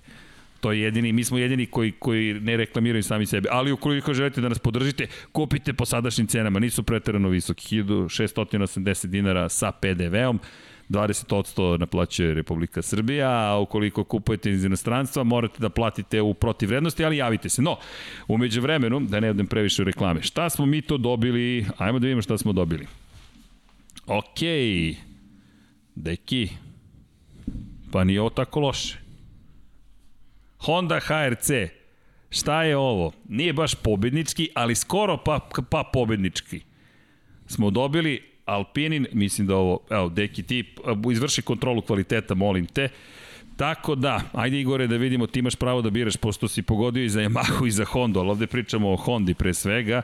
Zanimljivo, Monster Yamaha u Moto Grand Prix i Monster da. Honda da. u Dakaru. Sve faze su pokrivene, da, da, da. Ne. Ali da, evo poklenjamo. Inače, za onih koji eventualno ne znaju, u Dakaru smo imali zaista jedan impresivan rezultat, iako sam priznajem, priznajem, nije lepo, ali navio za Čileanca s obzirom na eto, te bratske odnose sa Čileom, no pričat ćemo, ja se nadam, o Kevinu Benavidesu još više, ali Kevin Benavides je, ljudi, osvojio Dakar, Rally Dakar na dva točka i to je ono što je fenomenalno. Inače, kada govorimo o triumfima, ne treba zaboraviti da je na kvadovima prvi, prvi argentinec koji je slavio bio Marcos Patronelli, ali, ali, u naj, ovo se smatra najkonkurentnijom kategorijom, čak konkurentnijom od kamiona. U motociklizmu je Benavides zabeležio osvajanje titule, a ovo je Brabekov inače Šta? Da, dres, Riki Brabek, prošlogodišnji pobednik, Jeste. ove godine Vice e, šampion. Da, stigo je drugi na cilj i to je ovaj dvostruka pobeda Honda Honda prvi put posle 87. godine, tako da to je još jedan istorijski rezultat istorijski za Honda. rezultat za Hondu. Da. Čekaj, šta mi to ovde da, imamo? Da. A? Lab 76, molim vas, uh, uh, opa, ispadaju mi stvari, ali za oni koji slušaju, nemojte da brinete, a, vidi ovo, see ya, see you, Dakle, eto, poklanjat ćemo i ovo za one koji gledaju u reprizi, to jest nije repriza, ali koji gledaju na YouTube-u kasnije, deki, hoćemo da smislimo nešto, neko dobro pitanje. Znam da uvek izneradimo ovako, ali evo ima vremena da razmislimo dok budemo odgovarali na pitanja. Ima toga još. Deda Mraz, kažemo, stigao. Šta još imamo unutra? Imamo polo majicu, ja mislim, ako sam dobro zapamtio. Oh, ho, ho, ho, ho. Polo majica. Ja mislim da ovo uopšte nije loše. Vredi se potruditi da, Vredi da se, se tačno odgovori, da. Tako da, Alpine Stars, jel te? Ja se nadam da ćete uživati i za kraj pa možemo i ranac da poklonimo. Evo, poklanjamo i ranac. To, to, to smo slučajno dobili, u tome su nam dostavili zapravo. Ali eto, Monster Honda pobedila, a mi smo se potrudili da zamolili smo ih. O, Don Pablo, hvala na kadru, kakav kader. Evo, ovako se slavi pobeda svaka čast Kevinu Benavidesu. Napričamo, napričamo i priču o Kevinu Benavidesu, a obratite pažnju na ovo. Obratite pažnju na ovo. Monster Honda, Monster Honda, Red Bull KTM na pobedničkom postolju. Bitka se vodi na svim mogućim frontovima po pitanju sponzora, ali Eto. I ko održava automotosport na vrhunskom nivou. da, Lab 76. Da. Naravno, pomažu, ali eto, tako da, tako da znate, I kada govorimo o eto, poklonima, ja mislim, čekaj da nađem. Na početku jeste Igor Uzelac. Igore, Igore, hoće da bira Igor. Kao čovjek koji je prvi odgovorio, evo Igore, biraj šta želiš od ove tri stvari. Ukoliko ne voziš motore, evo, pusti nekome koji je na motoru, mislim da će ovaj Alpine Stars, mada šta god da uzmeš, veruj mi, ovo je fenomenalno. Sve. Samo da vidimo, tu ima neka veličina. Da, veličine nismo spomenuli, sad smo se pretvorili totalno u retail. XL je polo majica, Pantalone su veličine 34. je li to taman, deki? Kako stojimo sa... Pa s obzirom da su oni kod džokeji, ovo, ovo i ne deluje ovaj, Da, preterano veliko. a ovo je, ja mislim, M. Čini mi se. Eto, i tako. A potrudit ćemo se naravno da i odgovorimo na, na vaša pitanja. Ako nešto treba, da, krećemo malo da sređujemo. Dajte još neko pitanje za pantalone, pita Igor Steriju. Sta, e, šta ćemo da ostavimo za za... Evo, sačekajte da Igor izabere, ako je još uvek sa nama, me da mislim da se više ne javlja Igor. Igor bio na početku i negde nam... Igor Uzelac, eto Igore, javi se, šta želiš, vidim da si tu u komentarima, pa nam javi šta se zbiva. Dakle, da li jedno, drugo ili treće. No, ovo je mnogo lepo i kada pričamo o Kevinu Benavidesu, je, jeste u pitanju neverovatan uspeh, da, da, da, to je nešto što će biti velika priča, ali treba da, da spomenemo Dakar generalno, eto, danas se večera se bavimo dvotočkašima, ja volim da gledam kamione uvek, meni su kamioni posebno impresivni, bez obzira što obožavam dvotočkaše, pričali smo o Stefanu Petre Hanselu, pričali smo o tome koga očekujemo negde na vršu, vrhu Brabek je prošle godine triumfovao, međutim Benavides i, i, i neka vrsta iznenađenja konačno. Mada Da, eto, trebalo je da ovaj, ode iz Južne Amerike, da, da se vrate da. ovaj, na, na drugi kontinent da bi eto Argentinac ovaj, zabeležio pobedu, ali, ali super, mislim, on je ovaj, stvarno se borio, ovaj, nije, nije odustao i menio nekih problema ovaj, tokom, tokom samog Dakara ovaj, i eto stigo do pobede čak je ovaj, Honda imala prilike da, da ovaj, ima sva tri vozača na podijum ali jednostavno to je, to je Dakar bukvalno do, do, do poslednjeg ovaj, do poslednjeg kilometra se ne zna ovaj ko će pobediti jako je mala razlika bila između između ovaj prvog i drugog plasiranog tako da ovaj to su svi svi koji su pratili mogli su da vide jednu jednu zaista dobru borbu bez obzira što je što je bilo reč o takmičenju između klubskih kolega.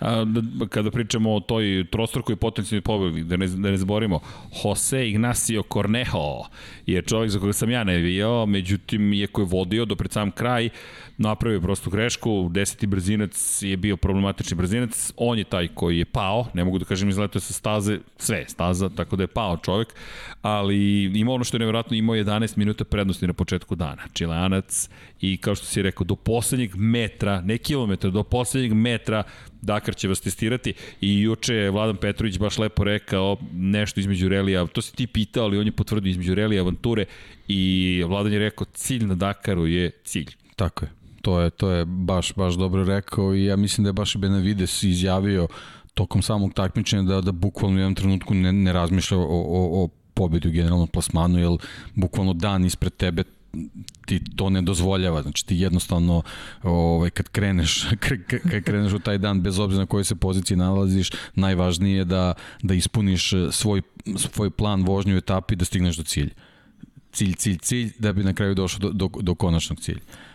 Tako da to je to je jednostavno Dakar. Tako da ovaj nažalost evo i ove godine smo imali ovaj smrtni slučaj. Da. Ovaj Francuz Pierre Cherpin je ovaj preminuo u bolnici posle posle ovaj pada na, na sedmoj etapi, to jednostavno pokazuje koliko je ta, ta avantura zaista, zaista opasna. Ponekad kažemo preživeti u nekom prenesenom značenju, u ovom slučaju zaista preživeti preživeti, stići do cilja i to jeste, lepo si rekao, prava avantura. Čak Tako i danas je. u ultramodernom vremenu sa svim mogućim zaštitama koje imamo, GPS sistemima da se ne izgubite u pustinji, što smo pričali, dešavalo se na Dakaru, dođete u situaciju da nažalost i dalje je veoma opasno. Čak i za publiku zna da bude veoma opasno, koja tako, želi da se približi i da vidi kako izgleda izbliza, nažalost to isto može ne, biti fatalno. Brzine su velike, ove, vi ste juče pričali jednostavno ovaj, dine se menjaju iz dana u dan, ti, ti jednostavno ne, ne, možeš, ne možeš da planiraš praktično, praktično rutu zbog tih promena, izuzetno je teško, velike su brzine, za motocikliste i vozače na kvadovima je posebno teško, oni su sami, ovaj, be, bez pomoći suvozača, zaista, zaista ovaj, iziskuje veliki psihofizički napor, ovaj, mi moramo da spomenemo, mi smo ponovo ove godine imali ovaj, predstavnika Srbije na Dakaru, Gabor Sagmajster je završio još jedan Dakar. Bravo. Uh, od, od 13 svojih vožnji, 10 je završio tako što je prošao liniju cilja, imao je oni 14. Dakar koji je otkazan, na kojem nije bio, ali da kažem, znači od 13 Dakara 10 je završio. Potpuno je nebitno na kojoj poziciji on je završio je 10 nebitno. Dakar. I pričali smo, mi radimo na tome. Samo pomnožite koliko je to kilometara pa, i, i zaista ovaj, Jel da gledam Neverovatno stolicu, poštovanje. Da gledam ka stolici u levo. Da. Na, nadamo se umesto Darta Vadera da, da ćemo imati gospodina koji završi da, 10 Dakar. Uskoro, da. da. Tako da radimo na tome. Svi pitaju za Miloša. Miloša, veruj mi, svi čekaju sa nestrpljenjem Miloša Pavlovića. Biće i Miloš Pavlović, nemojte brinuti, prosto čovjek nije tu. Nije u ovom delu galaksije. Da, trenutno. Trenutno, da. ali hiper svemir kada popravimo, ne, naravno, ni našom, ni njegovom krivicom, eto jednostavno ta globalna situacija diktira sve, ali ovaj, ne predajemo se. Inače, Igor se javio, poslaćemo u Novi Sad, nema, mi šaljemo, nema ništa da brineš. I evo, Odlučio polo majica. se to, svaki Jeste. čast. Čestitke. XL, tako da čestitke, stiže.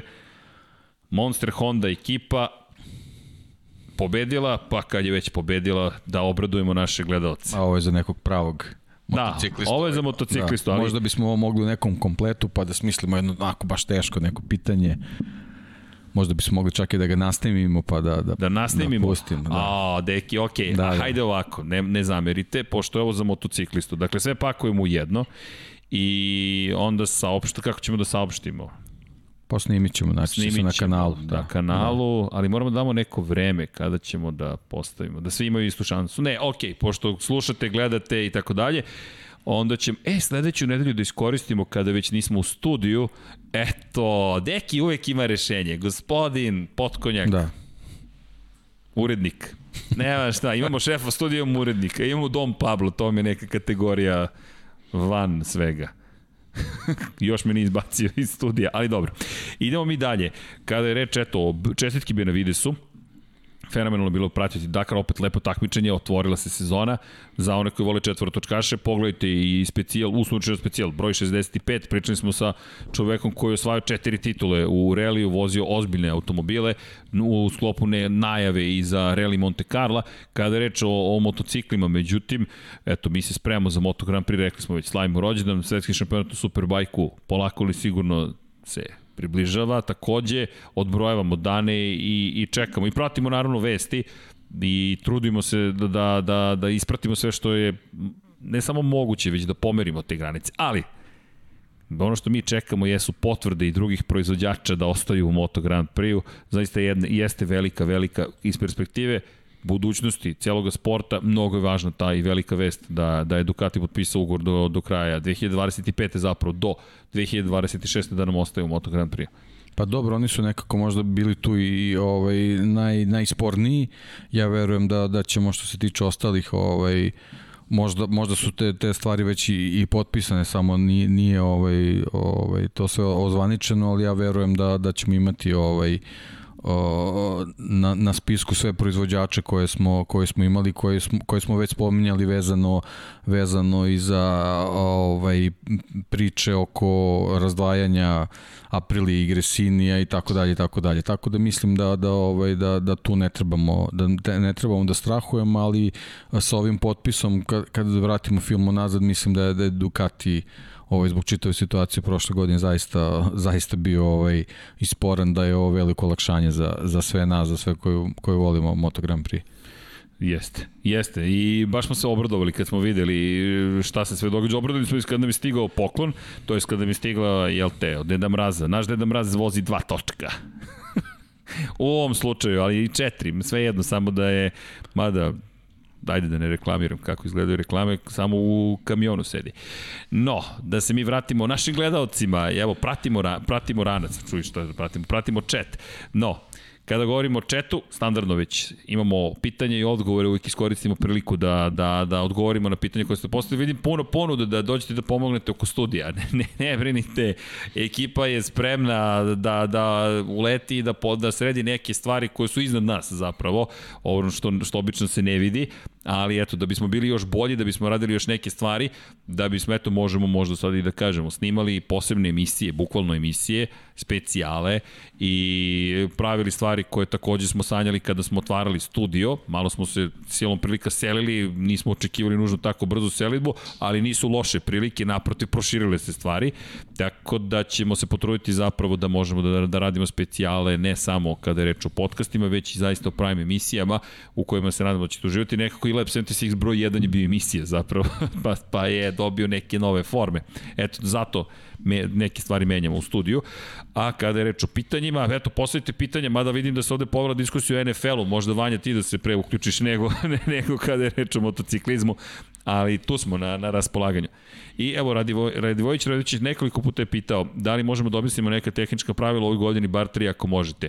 Šta to konkretno znači, to jest kada govorimo o tehničkim pravilima, da li izmene u pravilima ili neka pravila opšta, pomozite i nama da, da mi budemo bolji. Jedna od ideja je da približimo sport, pa ćemo i pričati o o, o, i o tehničkim aspektima, pa i o pravilniku zapravo samog Moto Grand Prix, možda o kubikaži, o tome koji se koriste materijali, kako da, ali vezano za, za, za sezonu da. koja nas očekuje, ključna stvar je da da je vozačima onemogući napredak, e, to jest razvoj, da li razvoj motora, agregata, to je ono, ono što je ključna stvar i to je ono što, o, zbog čega će morati da obrate pažu neke druge segmente samih motocikala i to je ono šta, šta će za njih da bude najveći fokus.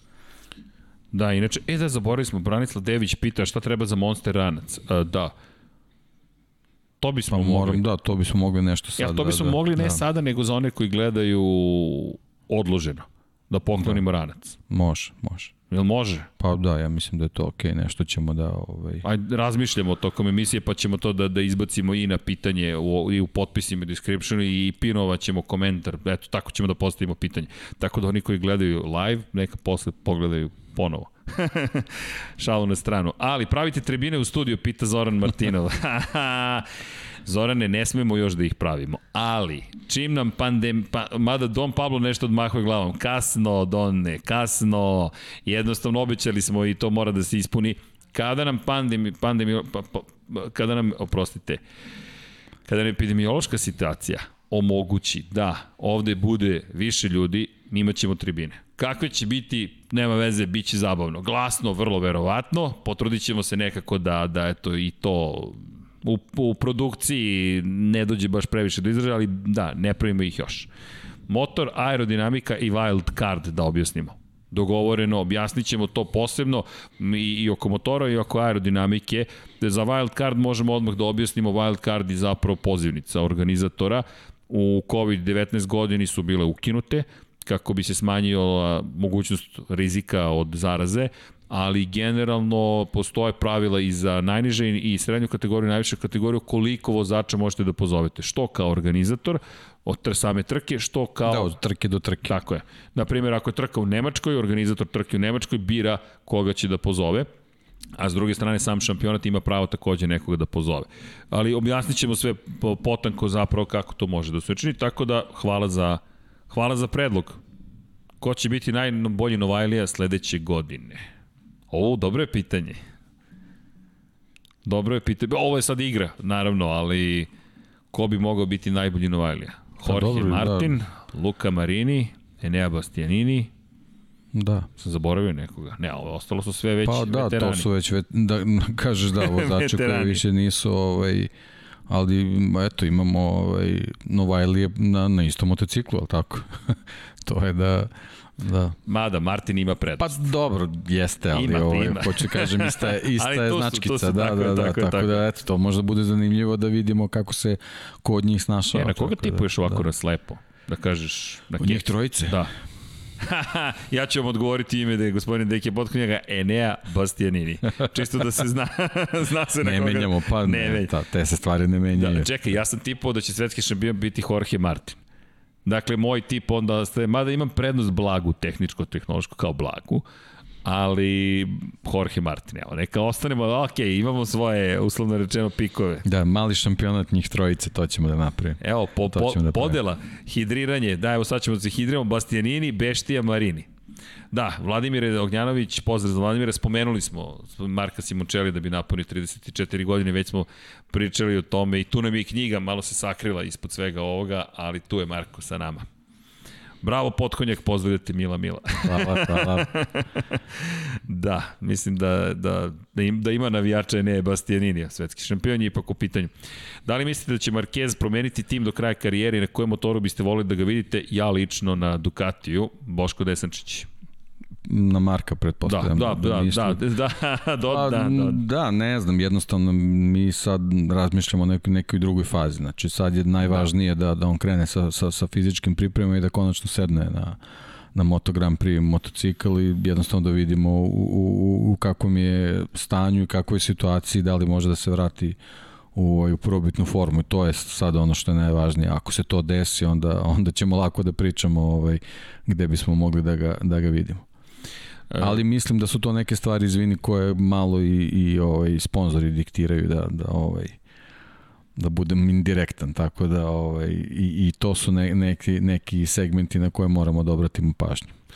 Da, evo jedno zanimljivo, izvini, pitanje, pitanje šta se događa sa starim Moto Grand Prix motociklima iz prethodne godine. I to je super pitanje zapravo. Imamo, e, ima tu nekoliko stvari. S obzirom na činjenicu da ih se malo proizvede. Uh, jedan primjerak najmanje odlazi u muzej. Dakle, muzejski eksponat svakako postoje. Da li će biti u okviru izložbe ili, će ide, ili ide u depo, to je sad pitanje... Da je obično najtrofejniji primjerak. Da. Ili koji je obeležio iz nekog razloga neku trku, to bude Važan je da, bio da, da bude, da bude istorijski primjerak. Jeste. To je. Jeste, to obično je ga fabrika da. čuva. I da. ne samo jedan, ali jedan najmanje će biti da. sačuvan. Da. S druge strane, kada govorimo o kada govorimo o tome šta se događa sa ostalima, ponekad se pokloni vozaču, ponekad ih poklone vozaču. Da, to može da se vidi stari vozači da. iz ovaj, kraljevske klase iz 500 kubika često ovaj, na svojim rančevima imaju svoje ovaj, motocikle koji su koji su ih proslavili u nekom delu karijere. E, I to je, to je nešto što je ne, meni bar, barem prelepo. Da vozio si za tu ekipu i desi se da, da dođeš u situaciju da, da, da si završio karijeru ili si završio sezonu uspešno i dođe ti motocikl kao Kimiju što je Ferrari poslao ceo bolid Formula 1 i u svojoj garaži, kući, čeg mu god ti odjednom imaš priliku da da, da, da držiš nešto što se trkalo. Inače, ne možete da ga registrujete, to su prototipi, to ne možete da kupite i onda pripremite, odite na tehnički pregled i kažete ja bih da vozim ovaj motocikl, to je nemoguće. Ali ono što je važno da pomenuti, u Formuli 1 imate privatna lica koji kupe zapravo motogram, ove, oprostite, bolide i ono što je takođe važno da pomenuti, u Moto Grand Prix imate lica čak poznajem neke ljude iz regiona, neću da ih imenujem, niti smem, niti je pristojno, koji su kupili uh, Ducati Casey Stonera. I to je nešto što je više od muzejskog eksponata i bukvalno stoji u kući.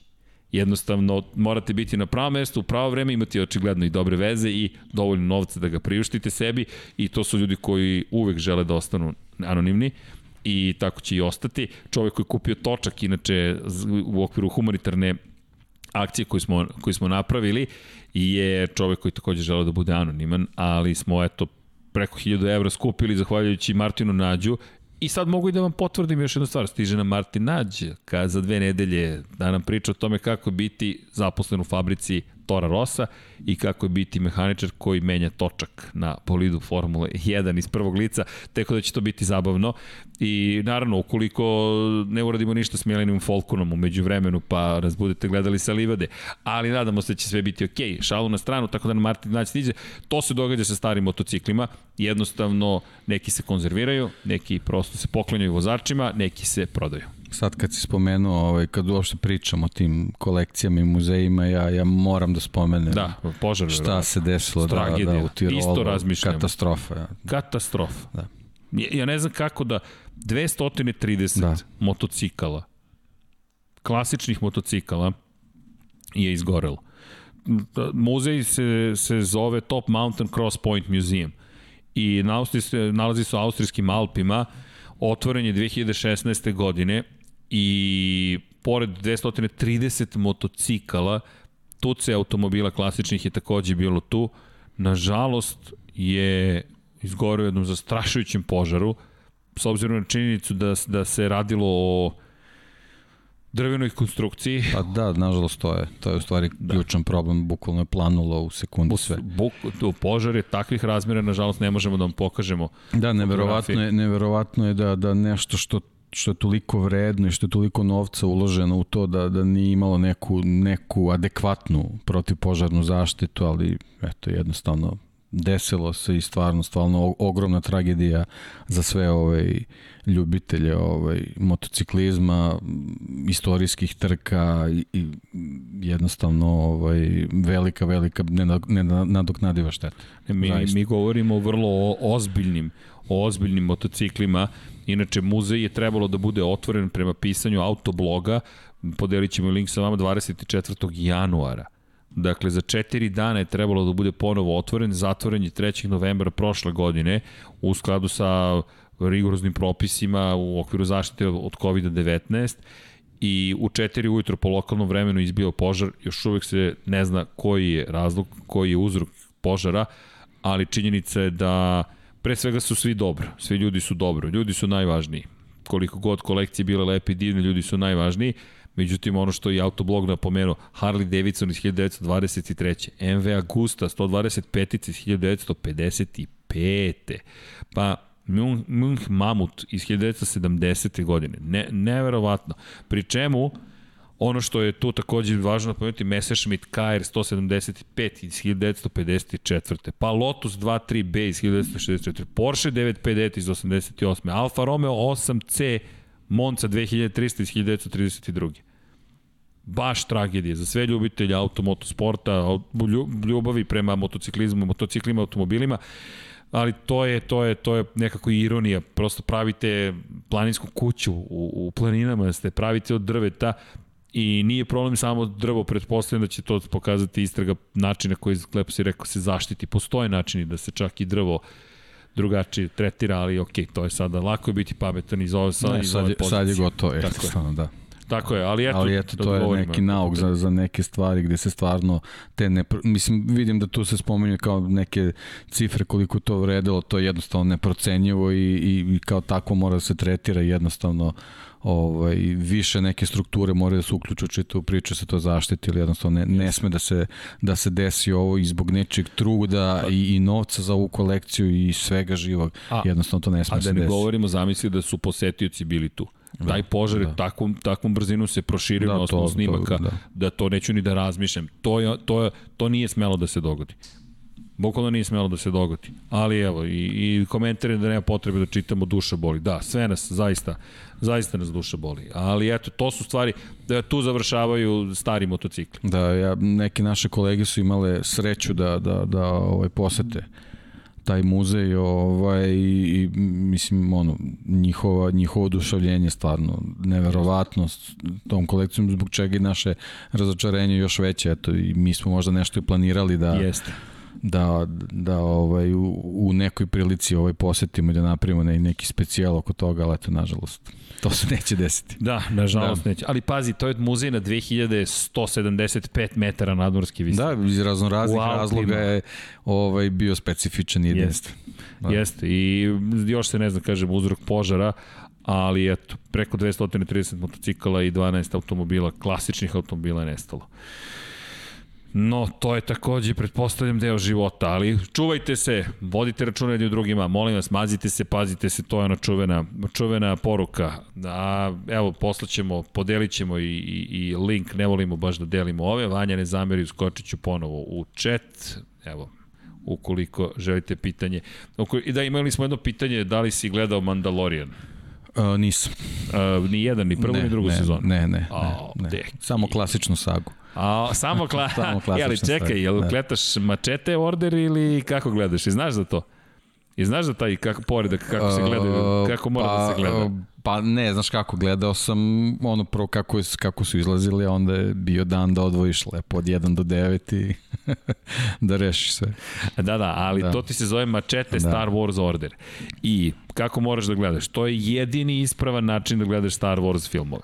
Dakle, molim vas, sve starije generacije, sa upoznavanjem novih generacija sa zvezdanim ratovima, postoji postoji red kojim se to ide. Gledaš novu nadu, Imperija uzvraća udarac, povratak Jedi-a, onda skočiš na napad klonova, ne, ne, ne, ne, izvini, pogrešio sam, ideš ovako, nova nada, Imperija uzvraća udarac, napad klonova, osveta sita, povratak Jedi-a i onda možeš eventualno Force Awakens, ako baš želiš, sedmu epizodu, osmu, Ne želim da komentarišem, ovo je, ovo je podcast ljubavi, nećemo, nećemo drugi stvari pričati, a o ovom poslednjem čudu, devetom delu, uh, ostaću za sada ne, nemoguće se desilo. Dobro, ja sam odgledao. Tako da, ne, odgledao to je, sam. To je to. Da. Odgledao sam, da, da, ali to je, to je, rekao bih da je to to. Da. Pazi, ponekad dođem u, u dođem iskušenje ozbiljno da sedem i da napravim komentar Zvezdanih ratova usred ovog studija i da dovedemo, mada ne, to ćemo da uradimo. Znam i koga ću da pozovem da mi Zato bude gost. Zato se franšize ne otkupljuju.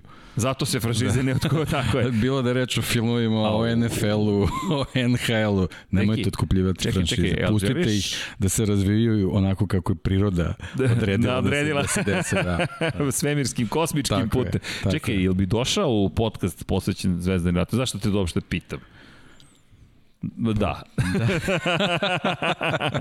ne, ne, imam neke ideje, ne da. sam da izgovaram imena, ali znam dva najmanje čoveka koje bi koja se ozbiljno bave tom tematikom. Ne, znam tri, znam, sad ti si... Če, o, pa Dobro, ne, ja nisam ono sad, sto. kako bih rekao, ozbiljan. Ja sam jednostavno onako gledalac. Pazi, Filip Đorđević, je, njega mogu da, da imenujem. To je čovjek da. koji inače ima Tatooine radio. Tako da imate, to je čudesno koliko tu mašte. E, to je ono što je najlepše vezano ta mašta. Ali molim, smačete order, gledajte i uživajte. I Mandalorian sam gledao podeljene su mi mišljenja i za prvu i za drugu sezonu, ali ja sam tu jedan ozbiljan problematični puritanac koji ima probleme sa najmanjim sitnicama, Don Pablo to potvrđuje, ali ima predivnih momenta, da ne otkrivam onima koji nisu nisu gledali, ali druga sezona Mandalorijana bolje mi od prve. Prva mi je malo bila problematična po nekim pitanju, ali opet Baby Yoda kad se pojavi, svi padnu u nesvest. Ali meni to nije način utisak. U drugoj sezoni ima nekih jačih utisaka. No, o tom potom. Srki Deki, važna vest iz Formule 1 Zauber će produžiti ugovor sa Ferrari do 2025. Tako je, to je jedna divna vest i pričalo se Alfa Romeo će izaći Ne, ne, ne. Dobro, gledali smo dosta na dva točka, nismo da, uvek, ali, dobro, ali, ali ako, eto, ok, eto. ako insistirate širit ćemo, da nema da, pa, naravno, prosto, da, super je vest, naravno. Čekaj, smo ostane dva točka ako da. pričamo o Rogue One. da. da, e, ali, ček, da, da, da, e, ali čekaj, da li znaš da, da u Zvezdanim ratovima zapravo nemaš nijedno vozilo s točkovima? Tako je. Sve su, da, da, vozila s gusenicama. Molim vas, Dom Pablo, ako to znanje ne posjedujete, vrata su tamo, dakle, samo imaju gusenice i lebde. Čisto da se zna. Tako da tu je problem malo sa zvezdanim ratovima, ali Rogue One thumbs up, može. E, da, da se mi vratimo Srki, jedno off pitanje. Da li se desilo nekada za vozač Formula 1 Moto Grand Prix nazaduje i ili vrati se u F2, F3, Moto2, Moto3? Da, događalo se. Događalo se za Formulu 1 ne toliko, bar ne da ja znam u ovom modernom obliku, čak vi po pravilniku ni ne možete sada da se vraćate unazad, ali uh, iz Moto Grand Prix da. Mika Kaliju. Ne, ne, za Formula 1 mi je palo na pamet, ali moram da proverim. Da li je Đorđe Pantano bio u Jordanu pa se vratio u... Sad ćemo da proverim. Da, eto, Đorđe Pantano, da, on je, smo ga. O, da, on mi je nešto pao na pamet. Čekaj, Pantana ali, smo spominjali. Prošlo... u kontekstu, da, sa Milošem Pavlovićem. Da. Jeste, da. jeste, jeste. Hoće li biti navijače na trkama ove godine? Igore, još uvek se ne zna s obzirom na činjenicu da se situacija menja iz, iz bukvalno dana u dan, tako da mi čekamo čekamo informacije kada dođe moment trke, mislim da će se tek tada znati. Zato vas ni ne pozivamo da kupujete ulaznice sada, i biste mogli ući u vrlo neprijatnu situaciju da kupite, a da posle ne možete da, da refundirate ili zaboravite prosto da, da, da, da refundirate i ok, možete da podržite organizatore, ali ako baš ne morate ili niste u, u situaciji mogućnosti kako god, budite strpljivi za sada, čekamo. Roberto Merhi kaže Deki, poručuje ti Radivojić. Da, Radivojić. da, i Roberto Merhi, da. da. Eto, E, Srki i Deda... Evo, Đorđe Panton 2004. bio u Formuli 1, ovaj, da bi 2005. nastupao GP2 seriji. Eto. Tako da, eto, to je ovaj... Molim lepo, gospodin, da. gospodin Potkonjak. gospodin Potkonjak. Da li imate omiljeni brend kacige? Čak pa i imamo, imamo ali da, nije, da. nije... Imamo, naravno. nije, nije, nije, nije primereno da nužno pričamo o, da. o tome ali pre bih pričao o dezenima, to, to je neka stvar ukusa, ovako bismo mogli da reklamiramo nekoga, ali svako ima, svak, sve su dobre, čujte, svaka je, sve su one kvalitetne, nema tu zbora, prosto, to je, to je lep specijal, to, to, to hoću da napravimo, istorijat kaciga, koja kaciga je uvela koju inovaciju i dovela nas do trenutnog stanja, što kada je reč o Formuli 1, imate jednog proizvođača koji je ozbiljno promenio Formulu 1 i imate proizvođače neki koji su bili vrlo ozbiljni kada je reč o Moto Grand Prix kacigama. Šta mislite sa, za skuterima Kive i Hurricane? Pa, čujte, opet da dajemo neku da, da. ocenu. Evo, deki se nasmeo, neka to bude. Pa, sad, na koji način? Inače, jedno pitanje, da, evo to samo šta konkretno pitate. Ivan Božović, ideja da pozovemo Gabor emisiju napravim specijal Dakar. Evo, evo molim kadar, molim kadar da kad se da. Dejan smeje, kad da. se urednik smeje, možete očekivati da će to sve biti uh, rešeno. Samo sa homologacijom. Samo da mu damo malo vremena da se odmori. da, da, da, da. Inače imamo pozdrav iz Praga. Pozdrav za Prag. Pozdrav. Zdravo Milica, ako se ne varam, ako sam dobro vidio. Milica, jeste, ćao Milice. Koji je uslov za prelazak iz Moto2 u Moto Grand Prix, pita Marko Milovanović bukvalno da imate 18 godina i da vas pozove ekipa i da potpišete ugovor. Ne postoji preduslov kao što je, na primjer, super licenca za Formulu 1. Jednostavno je to samo pitanje da li će vas neko pozvati i potpisati ugovor sa vama. Da, suviše malo mesta, tako da... Da. Nema... Ekipe su te koje odlučuju. Jeste. Da, zatim pitanje za Rossi, da li će biti šef neke fabričke ekipe? Mm, fabričke ekipe? Mm, nisam siguran. Mislim da je on izabrao svoj put kroz VR46 akademiju. Mada ko zna, to pitanje Maha, Suzuki, KTM. Pa pazi, Suzuki... E da, bilo je jedan komentar, čini mi se, da se spominjao, da se spominjalo zapravo da navodno Sky Sport Italije pita Manuel Cazo da će biti novi šef ekipe. Ja bih se veoma iznenadio ukoliko Manuela Cazoa uzmu sa pozicije glavnog inženjera Aleksa Rinsa u Suzuki i postave na šefa ekipe. To bi mi baš bilo veliko iznenađenje. Time oslabljujete Rinsa, Tako je. A Miru poručujete da će nekadašnji šef Rinsov biti sada vaš šef i njegov istovremeno, pre čemu uzimate tehničko lice, bez obzira kakve su menadžerske sposobnosti, novi šefovi inženjerije, moraju da budu izvrsni inženjeri, ali više ne rade toliko koliko ranije. Ranije glavni inženjer je bio neka vrsta glavnog mehaničara. Jeremy Burgess je i tekako radio na motociklu fizički, pre nego što se vremena promenila. Sad je to više menadžerska pozicija, ali kazo da bude to, to bi mi baš bilo veliko iznenađenje. Nisam siguran šta da mislim, Sky Sport Italija je prilično pouzdana, ali ovoga puta mislim da, da, da, da, da ako je to Vidjet istina, ćemo, da, da. Suzuki pravi grešku po mom mišljenju. To je samo moje mišljenje. Drugari, šta mislite kako će prošla sezona uticati na Kvartarara? Pa ja mislim da ovaj mislim da i on da je danas ovaj postavio na društvenoj mreži da je, ili juče je bila slika da je da je posetio Yamahu, mislim da samim dolaskom u u ovu fabričku ekipu, ovaj i fizički dolazak u fabričku ekipu da je već ovaj neke neke negativne stvari ovaj potru iz prošle godine tako da mislim da da on sad već gleda u budućnost da A deki. Da. Znaš kako se sad ovo nastavilo? Vanja, da li možeš da nam baciš kadar koji sam zaboravio? Fabio Quartararo prvi put u bojama Yamahe. Hvala za pitanje. Čak i to imamo sa društvenih mreža. Nije na motociklu nužno, ali ok, opet je u bojama. Evo ga, Yamaha Factory Racing. Prvi Onako put... casual je stigao, ali dobro. Moram da primetim. Znaš ko da. nije casual? Da. Lin Jarvis. Da, da. Lin Jarvis školski. Cipele, tamne pantalone, to jest farmirke, šta li već. A Quartararo, možda i on bio na mountain bike-u, ko zna. Ali evo prvi fotografija sa zvaničnog Instagram Kao iz pekare da je došao, tako izgleda, ali dobro, okej. Okay.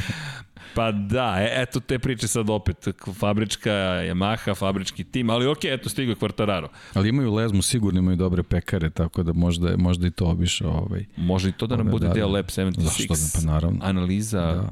kuhinje. U Monci, mene sjajna pizzerija. O, deki, vodiš me u Moncu. Da, dogovoren. Vodit ću te u Moncu, samo reci kada. ok, to je za ljubitelje nekadašnjeg trećeg kanala, ali dobro.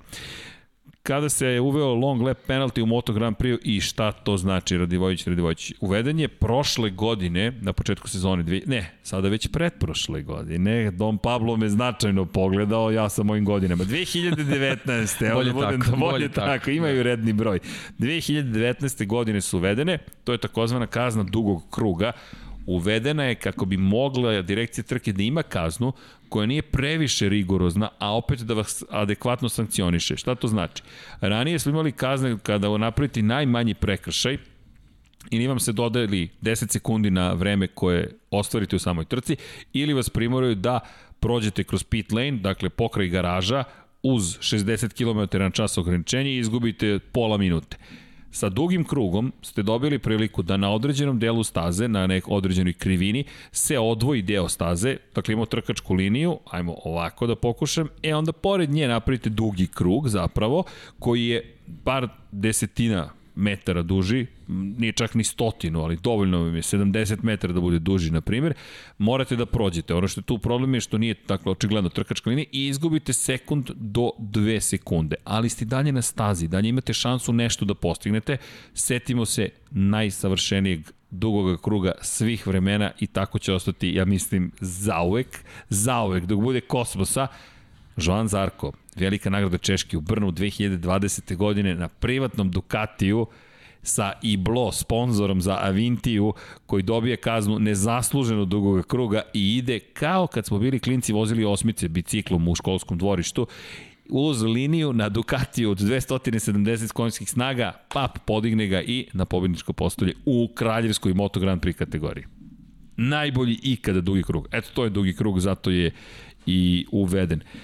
Kako je Gresini? Gresini još nije pušten iz bolnice. Poslednja vest koju smo dobili je da i dalje ne može da diše bez dodatnog kiselnika, ali da je svestan, da nije više u indukovanoj komi i da je stanje stabilno. To su poslednje vesti koje imamo. To negde obećava Imamo neke primere iz neposredne sredine koji su takođe bili u dramatičnoj situaciji, međutim posle nekih 40 i više dana provedenih u bolnici su ljudi pušteni kući. Držimo palče da će to biti situacija sa Faustom Gresinijem. Za oni koji ne znaju, šef ekipe Gresini, nekadašnji višestruki šampion sveta u nižim kategorijama i čovek koji se nažalost razboleo, virus SARS-CoV-2, COVID-19 bolest i držimo mu palčeve za, za brzi pojest i potpuno poravak. Da li smo čuli za HB Racing Team Aprilia, žuti motor. Eh, sad. E, pa nemojte, da. pa ovo je, sad, ovo je već uredljivo, pa čujte, pa kako, da li smo čuli za HB? Pa to je za vreme... Za Doriana Romboni, da. Pia Francesca Kilija. pa čekajte, da. pa to, pa to su više jednostavna pitanja. To je urezano u retinu, to vam je u rožnjači. Biće 30 godina, čini da. mi se, tako? Da, de, HB, de, čuven. De, 94. druga, možda tako. I, da, možda čak i prva. Misliš da je prva? To mi je nešto, mm. ne znam, možda sam, možda da sam, počelo, da, da, da, možda ali, sam nešto, ovaj, Uh, ali sad da, može biti. da vidimo koje su to bile godine. Ja, ja pamtim tu otprilike da su to, da, da neka sam da je 93. ali drugo. Da, možda sam ja, možda sam Ne, otišao, možda smo možda obojica u pravu, da, da, čekaj, da. ali mislim da, je, da je tvoje pamćenje bolje, samo da vidimo šta kaže Ne, našao sam neki Pinterest, ali ne znam iz koje godine. Pa da, to nije baš pouzdano, da. Da, ne znam, Nek, eto. Neka Wikipedia koja ima sa, sa ekipom, pa možda tu da nađem, ali... 1990. gotovo sigurno, mislim da si, eto, e, pa onda da, onda moguće da. Da, ali da, pamtimo kako ne bismo pamtili i bili smo i tekako živi u to vreme. Evo pitanje Igora Steriva, to je vrlo zanimljivo. Šta je bila stvar sa Red sponzorom za aprilju 2019. Nije samo 2019 to je kompletan humanitarni projekat zapravo za pomoć obolelima u Africi, što od SIDE, što od drugih zaraznih bolesti. I to je velika zapravo, veliki pokret kompletan, imate i druge proizvode komercijalne, sad da ih ne reklamiram, ali svaki praktično komercijalni proizvod na planeti Zemlji može da se prijavi fondaciji Red i da prodaje pod tim bojama svoje proizvode ili ih promoviše i da sve što prihoduje, ne sve, ali deo prihoda da odvaja zapravo za pomoć obolelima u Africi, pre svega se radi na iskorinjenju side, ono što je tu meni fantastično i fenomenalno iz perspektive Aprilije i onoga što je činila godinama unazad, jeste da je zajedno sa svojim korporativnim sponsorima bila spremna da ceo motocikl ofrba u tu crvenu boju, Product Red, to isto imate, da sad kažem, ne imenujem kod koga, sve da, da ne reklamiramo različite proizvođače, ali činjenica je da je to projekat zapravo koja to je u, je u, u dobrotvorne svrhe i započet, tako da iz naše perspektive cenim da pogovorimo i u tvoje moje ime, veliki pozdrav za Apriliju za taj, za taj potez. Evo Boris Trutin, majice asociraju na boje timova Formula 1, slučajnost ili Naravno. ne? Ne, ne znam o čemu pričate, mi smo potpuno ovde zbunjeni. Da, i, i, i uopšte ne, ne, ne, ne postoji paralela sa Moto Grand Prix. Niti plava boja, niti crvena, niti žuta, nikakve to veze nema sa, sa, sa sportovima koje toliko volimo, niti naravno. To je samo paleta, da. da to je samo paleta. Malo se bune, pošto smo dizajneri mi bili tako šašavi, pa sad dobavljači i Ivan koji mora sve to da obezbedi se malo, malo, malo vrti glavom, Dom Pablo stavno to odmahuje glavom na te ideje, ali mi guramo napred, tako da da. Inače, Roman Grožan, Formula 1 2009. Grand Prix 2 Azija, Grand Prix 2 Formula 1 2012. Tako je, hvala Nusmire Veladžiću, hvala. Tako da pozdrav, eto, hvala. iz istorije. Da li ima neko lansiranje večeras? Taman deki tu. čekamo SN9, čekamo SN9, nemojte ništa da brinete.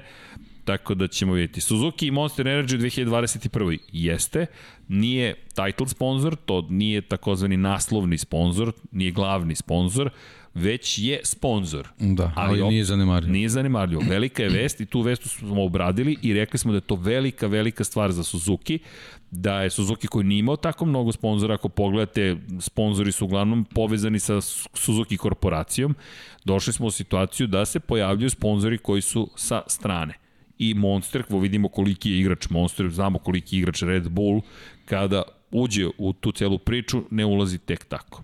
I bili su privatni sponzori vozačima, sada su sponzor same ekipe. Tako da to jeste važno. E, Crki, da li si čuo da Grožan Ruki ne, ne koristi više lekove protiv bolova? Da, to da, je. Da, to je, on je saopštio da i to je super, super informacija. Ovaj videli smo kad je skinuo nezavoj da to uopšte nisu bezazlene ovaj, i naivne opekotine, bilo sreće, na, sreće su bile na maloj površini, ali kada je poskidao zavoj videli smo da je zaista bilo nemoguće očekivati da, da, da, je, da je mogo da vozi ovaj, trku u Abu Dhabi. Da, ono što smo videli kada je zapravo pokazao je samo još jedna potvrda čemu je bio izložen i koliko je oprema Tako. koja je bila na njegovom telu neverovatna. Fasciniran sam kacigom, balaklavom, to je potkapom, odelom koji nosi ispod glavnog odela, to je kompletnom opremom koja se nalazi na njemu, patikama. Da, čarape su isto bukvalno tog od Nomeksa. Od, od Nomeksa, da, da, da. fascinantno. I da samo rukavice budu zapravo te koje moraju da izdrže 10 sekundi, ostalo mora da izdrži 20 sekundi. Mislim, nešto mi govori da od ove godine sve mora da izdrži 20 sekundi. Ali ne, moguće da razlika? te su opekotine bukvalno bile na onim savitljivim delovima rukavice koje su verovatno ovaj, popustilo upravo zbog toga što su morale da budu savitljive. Ali, da. i, i taj... Ali to je segment na kome će morati da porade. Gotovo sigurno. Da. Jel, Gotovo jel sigurno. definitivno takve, takve ovaj, nezgodi nesreće dovode do toga da se upravo ti segmenti koji se pokažu kao najosetljiviji kasnije dorađuju i to je u stvari taj, taj doprinos napretku i pre svega razvoju te bezbednosti mi zaista sa nestrpljenjem čekamo da vidimo Romana Grožana i, i da li će biti u Indikaru. Ja moram priznati da, da, da fascinantno je posle svega, ali to je to su vozači, to je prosto Zašto ne? Sećamo se kako je ovaj uh, Burde ovaj imao imao odličnu karijeru ovaj Jeste. u Americi sa nekim prosečnim rezultatima u, u Formuli 1, tako da Burde, sećamo se njegovih duela s Polom Tracyjem, stvarno je ovaj bilo bilo jako zanimljivo, tako da eto, ako se ako se ovaj odluči za nastup u Americi, ko zna, to možda bude neki neki njegov novi ovaj zalet u karijeri koja bi možda kasnije mogla da se pretoči u neke endurance trke i ovaj, zašto da ne? Mislim da, da, da možemo još da ga gledamo dugo u, u šampionatima vrhunskim. Ne, Posebno zbog znajući ovaj sponzore ovaj, kakve, kakve sve ima iza sebe mislim da za njega ima i tekako mesta. E, tu sam gotovo 100% siguran i to me raduje. Više iz perspektive toga kakav si incident doživeo, ali prva sledeća misla kada se oporaviš, ok, gde vozim sledeće godine? Gde ja to vozim sledeće godine? Fantastično. Inače, pitanje za nas kada će timovi prezentovati nove motocikle. Znamo za fabričku ekipu Yamaha 15. februara. Inače, gotovo svi timovi, prilično sam siguran da će sve raditi online, tako da verujem da će da. biti otvoreno. Pa generalno je bilo vezano za, za zimske testove. Jeste. To su trebali da budu neki termini, sad naravno, pošto toga nema, ali ono, kao što kažeš, bit će verovatno online. Generalno smo mi u, uglavnom ranije dobijali fabričke fotografije na taj način, tako da ovaj, vidjet ćemo, verovatno će tako biti. Kada govorimo o prezentacijama i lansiranjima, to, se već, to je već počelo da se menja i pogotovo u ovoj COVID eri, ali potrudit ćemo se da vas obavestimo na vreme. Petronas, prilično smo sigurni, negdje i ti ja, da je Malezija kao dom testova trebalo da bude mesto... Pa tako su najavili. Tako je, kada, kada će sve prezentovati. Posebno zbog, zbog, zbog Rosija, Rosija i svega. Da, čitave te priče. Yes. Da. da li ima zamena staza ako ne bude Argentine i Amerike? Da, to smo pričali. I Gora Drive je na spisku. Mandalika je takođe na spisku i imamo Portimao. Da, jedno ono, ono što smo mi pričali, meni zaista smeta što, što ne postoji taj backup kalendar ovaj koji je mogao da se napravi što na kraju prošle Mnogo sezone, ovaj, ova, ova pretumbavanja i pretpostavke i kandidati i tako dalje, to samo, samo šteti ekipama i vozačima nama, nama će generalno biti sve jedno, kao što ne bilo i prošle godine, važno da se, da se trke voze, ali, ali situacija gde oni u ovom trenutku, jer sad smo već, već je kraj januara praktično, da ne znamo ovaj, šta, je, šta je rezervni plan koji mora da bude ovaj, prilično zakucan je onako malo, malo, malo mi smeta, to je onako ovaj, baš, baš propust. Pa mor, mogli su i morali su bolje. Jel po ugledu na, na Superbike kalendar je mo, mogo na taj sličan način da se napravi backup plan za, za Moto Grand Prix. Znači ne pričamo o originalnom planu, nego o backup verziji. Alex i Maznex pita, imam sliku doma HB Racing Team, ne znam ko je vozač, ako hoćete poslućenu sliku, pošaljite, molim vas, lab76 at da. infinitylighthouse.com je naš e-mail, samo pošaljite i rešit ćemo to pitanje, nadamo se. Znam ko će sigurno rešiti to pitanje, stop zagarantovano. Tako da sa samo pošalju, biće nam zadovoljno. Da biće CSI, CSI da, tako da, je, da. tako je. Da, po, čizma, po čizmama ćemo da odredimo koje vozač. Otprilike. Inače, da, pozdrav za Stefana, Perseverance 18. februara, ali to nije poletanje ni lansiranje, slećemo na Mars. 18. Fe... Šta radiš 18. februara? Ja znam. ja znam. A da li znaš... Gde ste bili 18. februara? to je četvrtak, samo da napomenem. To je četvrtak, odmah da vam kažem. Bolje da je sred bolje, ali da. vidi, Lab 7, ko, ali to je kosmos. Pazi, to je kosmos, emisija. Pa kako tako da, sećaš se onog se, one srede? Kako Srećem se, samo smo nastavili. Pa pazi, Perseverance je istrajnost. Krenemo u sredu i istrajemo do četvrtka. Viš kako se nameću sami stvari. Da, to je spuštanje na Mars. Eto, nadamo se da ćete biti sa nama, da ćete ispratiti. E, Vedra Nes, zbog Drive to Survive sam krenuo gledati Formula 1, pogledao komplet sezoni 2016. do 20. na Overtake Fan, sad sam zbog vas Hitting the Apex film kreće gledati Moto Grand Prix. Molim vas, Moto Grand Prix obavezno podra za Vedrana. A ima još jedan, da, zbog čerčnih podcasta ozbiljno razmišljam početku slaganja automobila za reli. Šta ti moće Lep 76? Imate podršku s naše strane. Evo šaljemo nalepnice i pa ali pazi moramo sad i majicu da napravimo za, za, za te stvari specijalno doma. se čekajte, ne sam tu, Ivan nije tu večeras i ako čuje, izbacit će me on iz studija. Ali imate podršku sa naše strane i stvarno, samo pošaljite na Lab 76 pa ćemo poslati, ako hoćete, naravno, nalepnice. To je to, naš poklon. Bar to delimo. Evo, gleda me Dom Pablo. Potpuno sam antikomercijalan. ne, znam, ne znam šta će sa mnom. Ali, dobro. Imate na Facebook stranici SpaceX Fanovi Srbija, odlična grupa za lansiranje, sve obično detaljno. Hvala Bož Branislave, hvala Srki Depi, koji tip motora preferite? Sport, Naked Cross, Chopper? Sport uvek, ali samo da, preferiram, sport... pošto moj bi imao dva rezervara. Da, to, to, to, to ti kažem.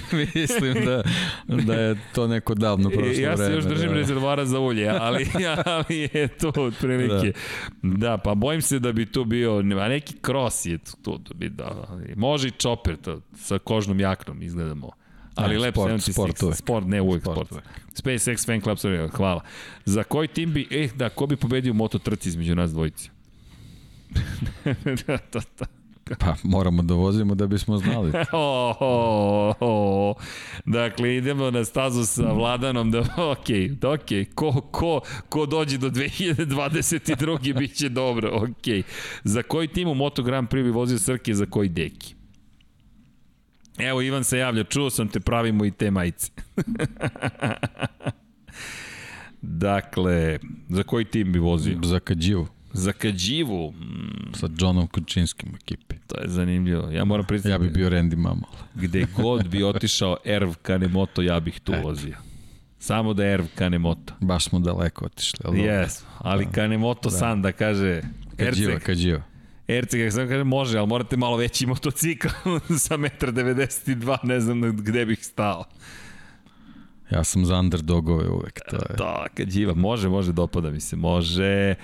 Tipujem na Srkija da će pobediti, uf, možda na kočenju s ovom kilažom, ali, okay, ali hvala vam na meri. Specijalo kafe. A koji bi tim vodili, eto? Au, ja ću ti odmah reći koji bih tim vodio. Odmah. Ali bi mi otpustili vrlo brzo. Tu ne bih bio, to bih isto antikomercijalan bio. Aprilija. Sutra bih je uzeo.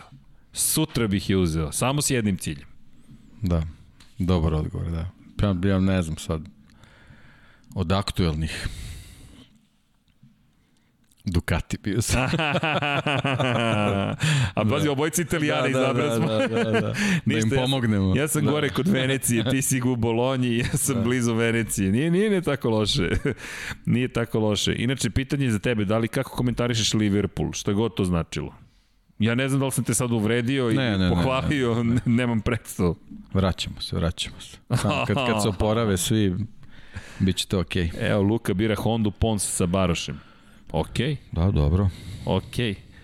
Da, inače, koji bi tim, ne, ovo smo sve prokomentarisali, nadam se da ništa nismo propustili. I kakvi iz novosti za Mahe, šta se dešava s novim motorom? Kakve su novosti? Nema još pouzdanih vesti, dok ne izađu na stazu, to je... Takve informacije se ne dela jednostavno. Tako je, je tako je. To, to, to ćemo morati da sačekamo. Nino, volili bismo da, da damo neke nove informacije, ali ono što je Maha svakako mora da reši opet pitanje koje ih je dovelo do kazni. Neka samo to raši, reše pitanje proizvođača, podizvođača i dobavljača, pa su napravili korak u napred. I to nije šala, jer su zahvaljujući tome došli do, do, do, do bukvalno do kazne. Mada mislim da imaš prozivku David Opačić kaže sa namigom City prvi. Šta to, to je samo znači. trenutno. At the end of the storm there is a golden sky. ok. Deki, evo, dva sata već trajemo. Maše mi Dom Pablo pop, afirmativno da smo dobri. I da li prenosimo neki test? Nećemo prenositi testove na, na makar ne na sport klubu. Vidjet ćemo da li će postojati mogućnost da nešto komentarišemo u okviru Lab 76 ali to ne mogu zaista da vam Samo kažem. prvo da budu. Da, prvo da ih bude, je, da, to a ukoliko važno. bude mogućnosti da se komentarišu na bilo koji način, rado ćemo to učiniti. Rekli smo već, problem sa testovima je više što 6 sati, 8 sati znaju da traju i od tih 6 do 8 sati ponekad se desi da ceo sat imate jednog vozača na stazi ili dva, pa onda ručak, pa je pauza, pa je tišina na stazi, ne ništa se ne dešava. Ne isplati se zakupljivati te termine jednostavno. To Jeste. Je. Jeste, ali ukoliko da. bude nešto dostupno na, na YouTube-u i, budemo imali dozvolu da tako nešto uradimo. NASA je tu divna, NASA koja je dala dozvolu da sve prenosim. To je ono što je venom. Tako da ukoliko bude ukoliko bude mogućnosti, rado ćemo to učiniti iz Makar Infinity Lighthouse-a, dakle da, da, da zajedno... I jedva čekam, pribu... kažem... Zamisli da imamo tu mogućnost. To bi bilo pa, sjajno. Nas dvojica to, nas trojica da. zapravo nije nam tu trenutno paja, ali sanjamo to, nemojte da brinete. E, Paja, da, večeras, pa i ti slaviš. Srećna slava. Hvala. E, da, to, to sam zaboravio. I Paja i tebi, da. Paja, Paja, Paja. Da, nema prenosa testa. Pa obično ima nekih delova, nije cela posada tu, ali teško je to organizovati, skupo je. Prosto je skupo dovesti sve snimatelje, sve kamere, razvući svu opremu, optiku, pripremiti to, a interesovanje nije tako veliko. Tako da, Vidjet ćemo. Inače imamo predlog za film TT 3D Closer to the Edge. TT 3D Closer to the Edge. Ok, Vladimire, hvala za, hvala za, za preporuku. Kako će moći da se dobije karta za trku ako bude bilo moguće da se ide sa vama? Kako mislite karta? Ulaz u, u, u zonu u padok ili kako da kupite ulaznice? Sve ulaznice, moja preporuka, kupujte na motogp.com. Ima i, i drugi moja, sajtu. moje stvarno dobro iskustvo sad jeste možda neka reklama. Nema veze. Poleposition.com. Eto. Zaista sjajno, sjajno iskustvo. Sve nas je čekalo ovaj, na, na, na, na mestu kako smo se dogovorili, kako je opisano, sve je bilo stvarno sjajno. To je britanska, mislim da je agencija, odlični su i rade ono, sve, sve kompletan automotosport. Da, mislim da oni čak najbolju i VIP karte i tako dalje i tako dalje. Da. Kada spominješ polposition.com, pol povlaka position.rs, eto, topla preporuka, pa pogledajte web sajt, to su naši drugari, pozdrav za cijelu ekipu, pozdrav za Nikolu, ne znam da li prati, ali eto, imate pole position, pol, pol, povlaka position.rs. Nemojte position.rs, tamo će vas dočeti greška na, na MySQL serveru. Ali dobro, to je već neka druga priča. Bilo bi lepo komentarisati Goodwood festival brzine. Aj, bilo bi lepo da odemo na Goodwood festival brzine. To nam je jedan od, to je jedan od snova. Isto topla preporuka. Jeste. Bio sam tamo od 2016. čini mi se i to je stvarno neponovljivo iskustvo. Ko, co, v, v, p, a mislio sam prenos u smislu klasičnih TV prenosa trke. Tako smo mi i, i, i razmišljali da, da, da radimo prenos. Bukvalno kao da je trka, samo što kažem, eto, pitanje da li će što ih biti prenosa, ako da bude... Da, da li će biti slike? Tako je, onda ako da. bude i budemo imali prava, potrudit ćemo se. Sport klub sigurno neće, s obzirom na činjenicu da je i gužva na, u samom, čujte, imamo NHL, imamo NFL, imamo, mada dobro, verovatno će se, NFL će se završiti do tada, imamo futbol, futbol, futbol, futbol, tenis, tenis, tenis i tenis, košarka, košarka, košarka, i dok se sve tu nađe sad prostor nije baš jednostavno, a to su ipak predsezonski testovi, koliko god nama svima to značilo, budimo realni. Budimo budimo realni. Goodwood, Tete, Isle of Man, Suns Nova, to smo se Slažem se. već dogovorili. Da. I da, kontaktirat ćemo i Formula 1 i Dorn, nemojte ništa brinuti, samo ne znamo da li ćemo dobiti prava. Eto, tako, tako da znate. Da li ćemo da idemo na sajam ove godine ukoliko ga bude? Nisam Ne, ne znam, ljudi, to su nemoguće pitanja. Mi, pa, ajde da ga mislim, bude za početak, ali da, je teško. će biti teško. Da. Zaista, mnogo toga je otkazano po svetu, generalno svi ti veći događaji, samo ovi kontrolisani u nekoj vrsti biosfere se zapravo održavaju. I... Mislim, na onaj klasičan način, verovatno ne. Da. Nažalost, ali trenutna situacija koliko god i vakcine da stižu i lekovi se razvijaju, bojim se da 2021. neće još biti ta godina u kojoj će se stvari normalizovati. Pa, pa čak i evo kalendar, mi ne spomenu smo Katar, prošli put smo pričali o tome, Katar za sada deluje da će biti održan, ali opet ono pitanje ostaje iz prethodnog podcasta, šta ćemo sa Argentinom, šta ćemo sa... I ono što smo rekli, u slučaju da jedna od te dve trke bude otkazana, verovatno neće biti one druge zbog ogromnih troškova transporta. Da. Znači u Ameriku se neće putovati najverovatnije samo za jednu trku. Nema nikakvog ekonomskog smisla da. u ovom trenutku. Ali dobro. Da li postoji opcija da se prepratimo za sport klub Automoto kanal, to smo prošli put rekli, e, za sada, nažalost, ne. Mislim da je vreme da se polako pozdravljamo, smislit ćemo, jesmo smislili za ranac? To bi sad trebalo, tako? Sad bi trebalo nešto, ipak hmm. za ranac da učinimo. Hm, nešto, da, da li da vežemo nešto za Monster ili... Pa pazi, ovo smo, ovo nisu oni, ovo smo mi po, povukli veze u ekipi pa nabavili, ni, ni, niko ništa nije tražio, ni, nije, nije, nije, nije, nije sponzorisano, tako da dobili smo. Ništa, kada je Hondina ekipa prvi put ostvarila dvostruku pobedu na Dakaru Moto ekipa, kada je prvi put ostvarila dvostruku pobedu na, na Dakaru pre ovogodišnje. Ok, eto, tu dok Nije ne dobijemo... pretarano teško. Dok ne dobijemo da. tačan odgovor, čekamo. Eto, tu smo. Da li ima komentara na nas iz Pexa, meni je bilo što, da li ću komentarisati, hoću, komentarisat ćemo, komentarisat ćemo, Kosmos, Kosmos 76, imamo tu neke ideje. Da, da, kako vam zvuči Kosmos 76? Nekako smo nadovezali na Lab 76, pa smo nazvali Kosmos 76. Nekako nam je to bilo logično, zabavno, ali komentarisat ćemo. Deki se spremio, prošli put se videlo da, da je upoznat sa tematikom, ali kao i uvijek idemo do, do, do, do, do krajnjih. 1980. kaže Radivojević Radivojević. Dvostruka pobjeda. Dvostruka pobjeda. Kaže 1981. Ne prva, nego poslednja pre ove. A, čekaj, prva ikad u istoriji dvostruka? Ne, ne, ne. ne. Ne, ne prethodna pre Tako ove je, dvostruka je. pobjede Honda. Nis, nis, ne znam da li smo bili i jasni. Da, da, da. Znači, poslednja pobjeda pre ove koja se desila ove godine. Dvostruka pobjeda. Dvostruka Poslednja pobjeda. dvostruka pobjeda Honda. E, 82. 89. 90. 87. Sve godine se ispaljuju. Vladimir Marinković. Vladimir Marinković je dobio ranac. Vladimire, pošalji nam na lab76 at infinitylighthouse.com informacije o tome gde da ti prosledimo ranac. I dobar je ranac. I laptop stane u njega. Ja mislim da smo deki mi sve ispoklanjali. Inače, ovaj ranac nije bio planiran, nismo od ekipe ni tražili, tra- tražili smo ovo da nam pošalju, to smo i dobili, ali mi volimo da poklanjamo stvari.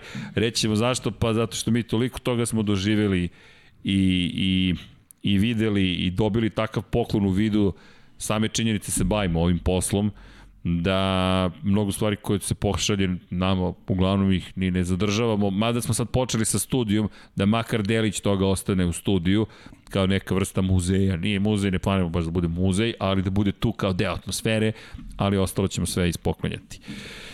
Da, bravo da, za ovo. Zašto ne naziv Guardians of the Galaxy? Zato što bi me tužio Marvel, Disney, svi ostali koji su povezani sa, za, zato. A, odgovorno lice u preduzeću sedi pred vama, tako da ako bih mogao da radim odavde, ne sa neke druge udaljene lokacije, podcaste, zato ne može Guardians of the Galaxy. Eto, ništa drugo. Ali eto, kosmos nekako nam je bio da se zna odmah da pričamo o kosmosu. A 76 da postoji taj neki multivers u kojem je kosmos 76, kosmos u kojem mi... I originalnije je, tako da... Hvala. Okej. Ok, dobro zvuči. Da. Dobro zvuči, imamo i majice. I eto, možete i njih da kupite. A stiže, stižu i majice 99 yardi. Čisto da znate. Elem, ovim bih završio. Izdanje broj 66 Lab 76, nadam se da ste uživali, nama dvojicu je uvijek zabavno, ali potrudili smo se da, nadam se, prenesemo i pozitivnu energiju, informacije i vesti iz sveta dvotočkaša dalje u kosmos, koji god da i gde god da ste. Mi vam želimo naravno da budete, inače, pozdrav veliki i pitanje za sve, ukoliko je nešto možemo da učinimo, u vrlo ružna situacija na jugu Srbije trenutno, poplove su ozbiljne i veliki pozdrav za sve koji žive u tim područjima, ukoliko nešto možemo da učinimo, pišite u okviru kanala. Kada je reč o ljudima koji su ostali bez struje u velikom delu područja takođe na jugu Srbije, ukoliko nešto možemo da učinimo, rado ćemo učiniti i koliko imate bilo kakvu ideju šta to konkretno treba da znači, pišite na YouTube kanalu, u komentarima na ovom videu, zaista gde god da se nalazite, pozdrav za sve ljudi koji su, koji su nažalost doživjeli zaista teške situacije, teške sudbine, zemljotresi, poplave, to je sve deo života na bilo kojoj planeti, ali nekako kada se sve skupi zajedno sa ovom COVID-19 situacijom, kao da je smak sveta. Nije, verujte, dođu i prođu i ove, i ove epizode, bilo ih je kroz ljudsku istoriju, zajedno smo jači, pa eto, veliki pozdrav s, na, s naše strane, imate, ukoliko mi što znači neku vrstu podrške odavde i nadamo se da smo makar malo činili i veče i lepšim i zabavnijim i informativnijim, a ukoliko imate bilo kakvu ideju, samo nam se javite. Veliki pozdrav u ime cijela ekipa Infinity Lighthouse-a i naravno čujemo se i vidimo se vrlo brzo što kada je reč o NFL-u, što kada je nekim drugim stvarima i naravno uvek nekako lepim temama i kada nisu nužno lepe da uvek imamo neku ideju kako da svet ipak bude lepši. I da se pozdravimo, deki, Ćao svima.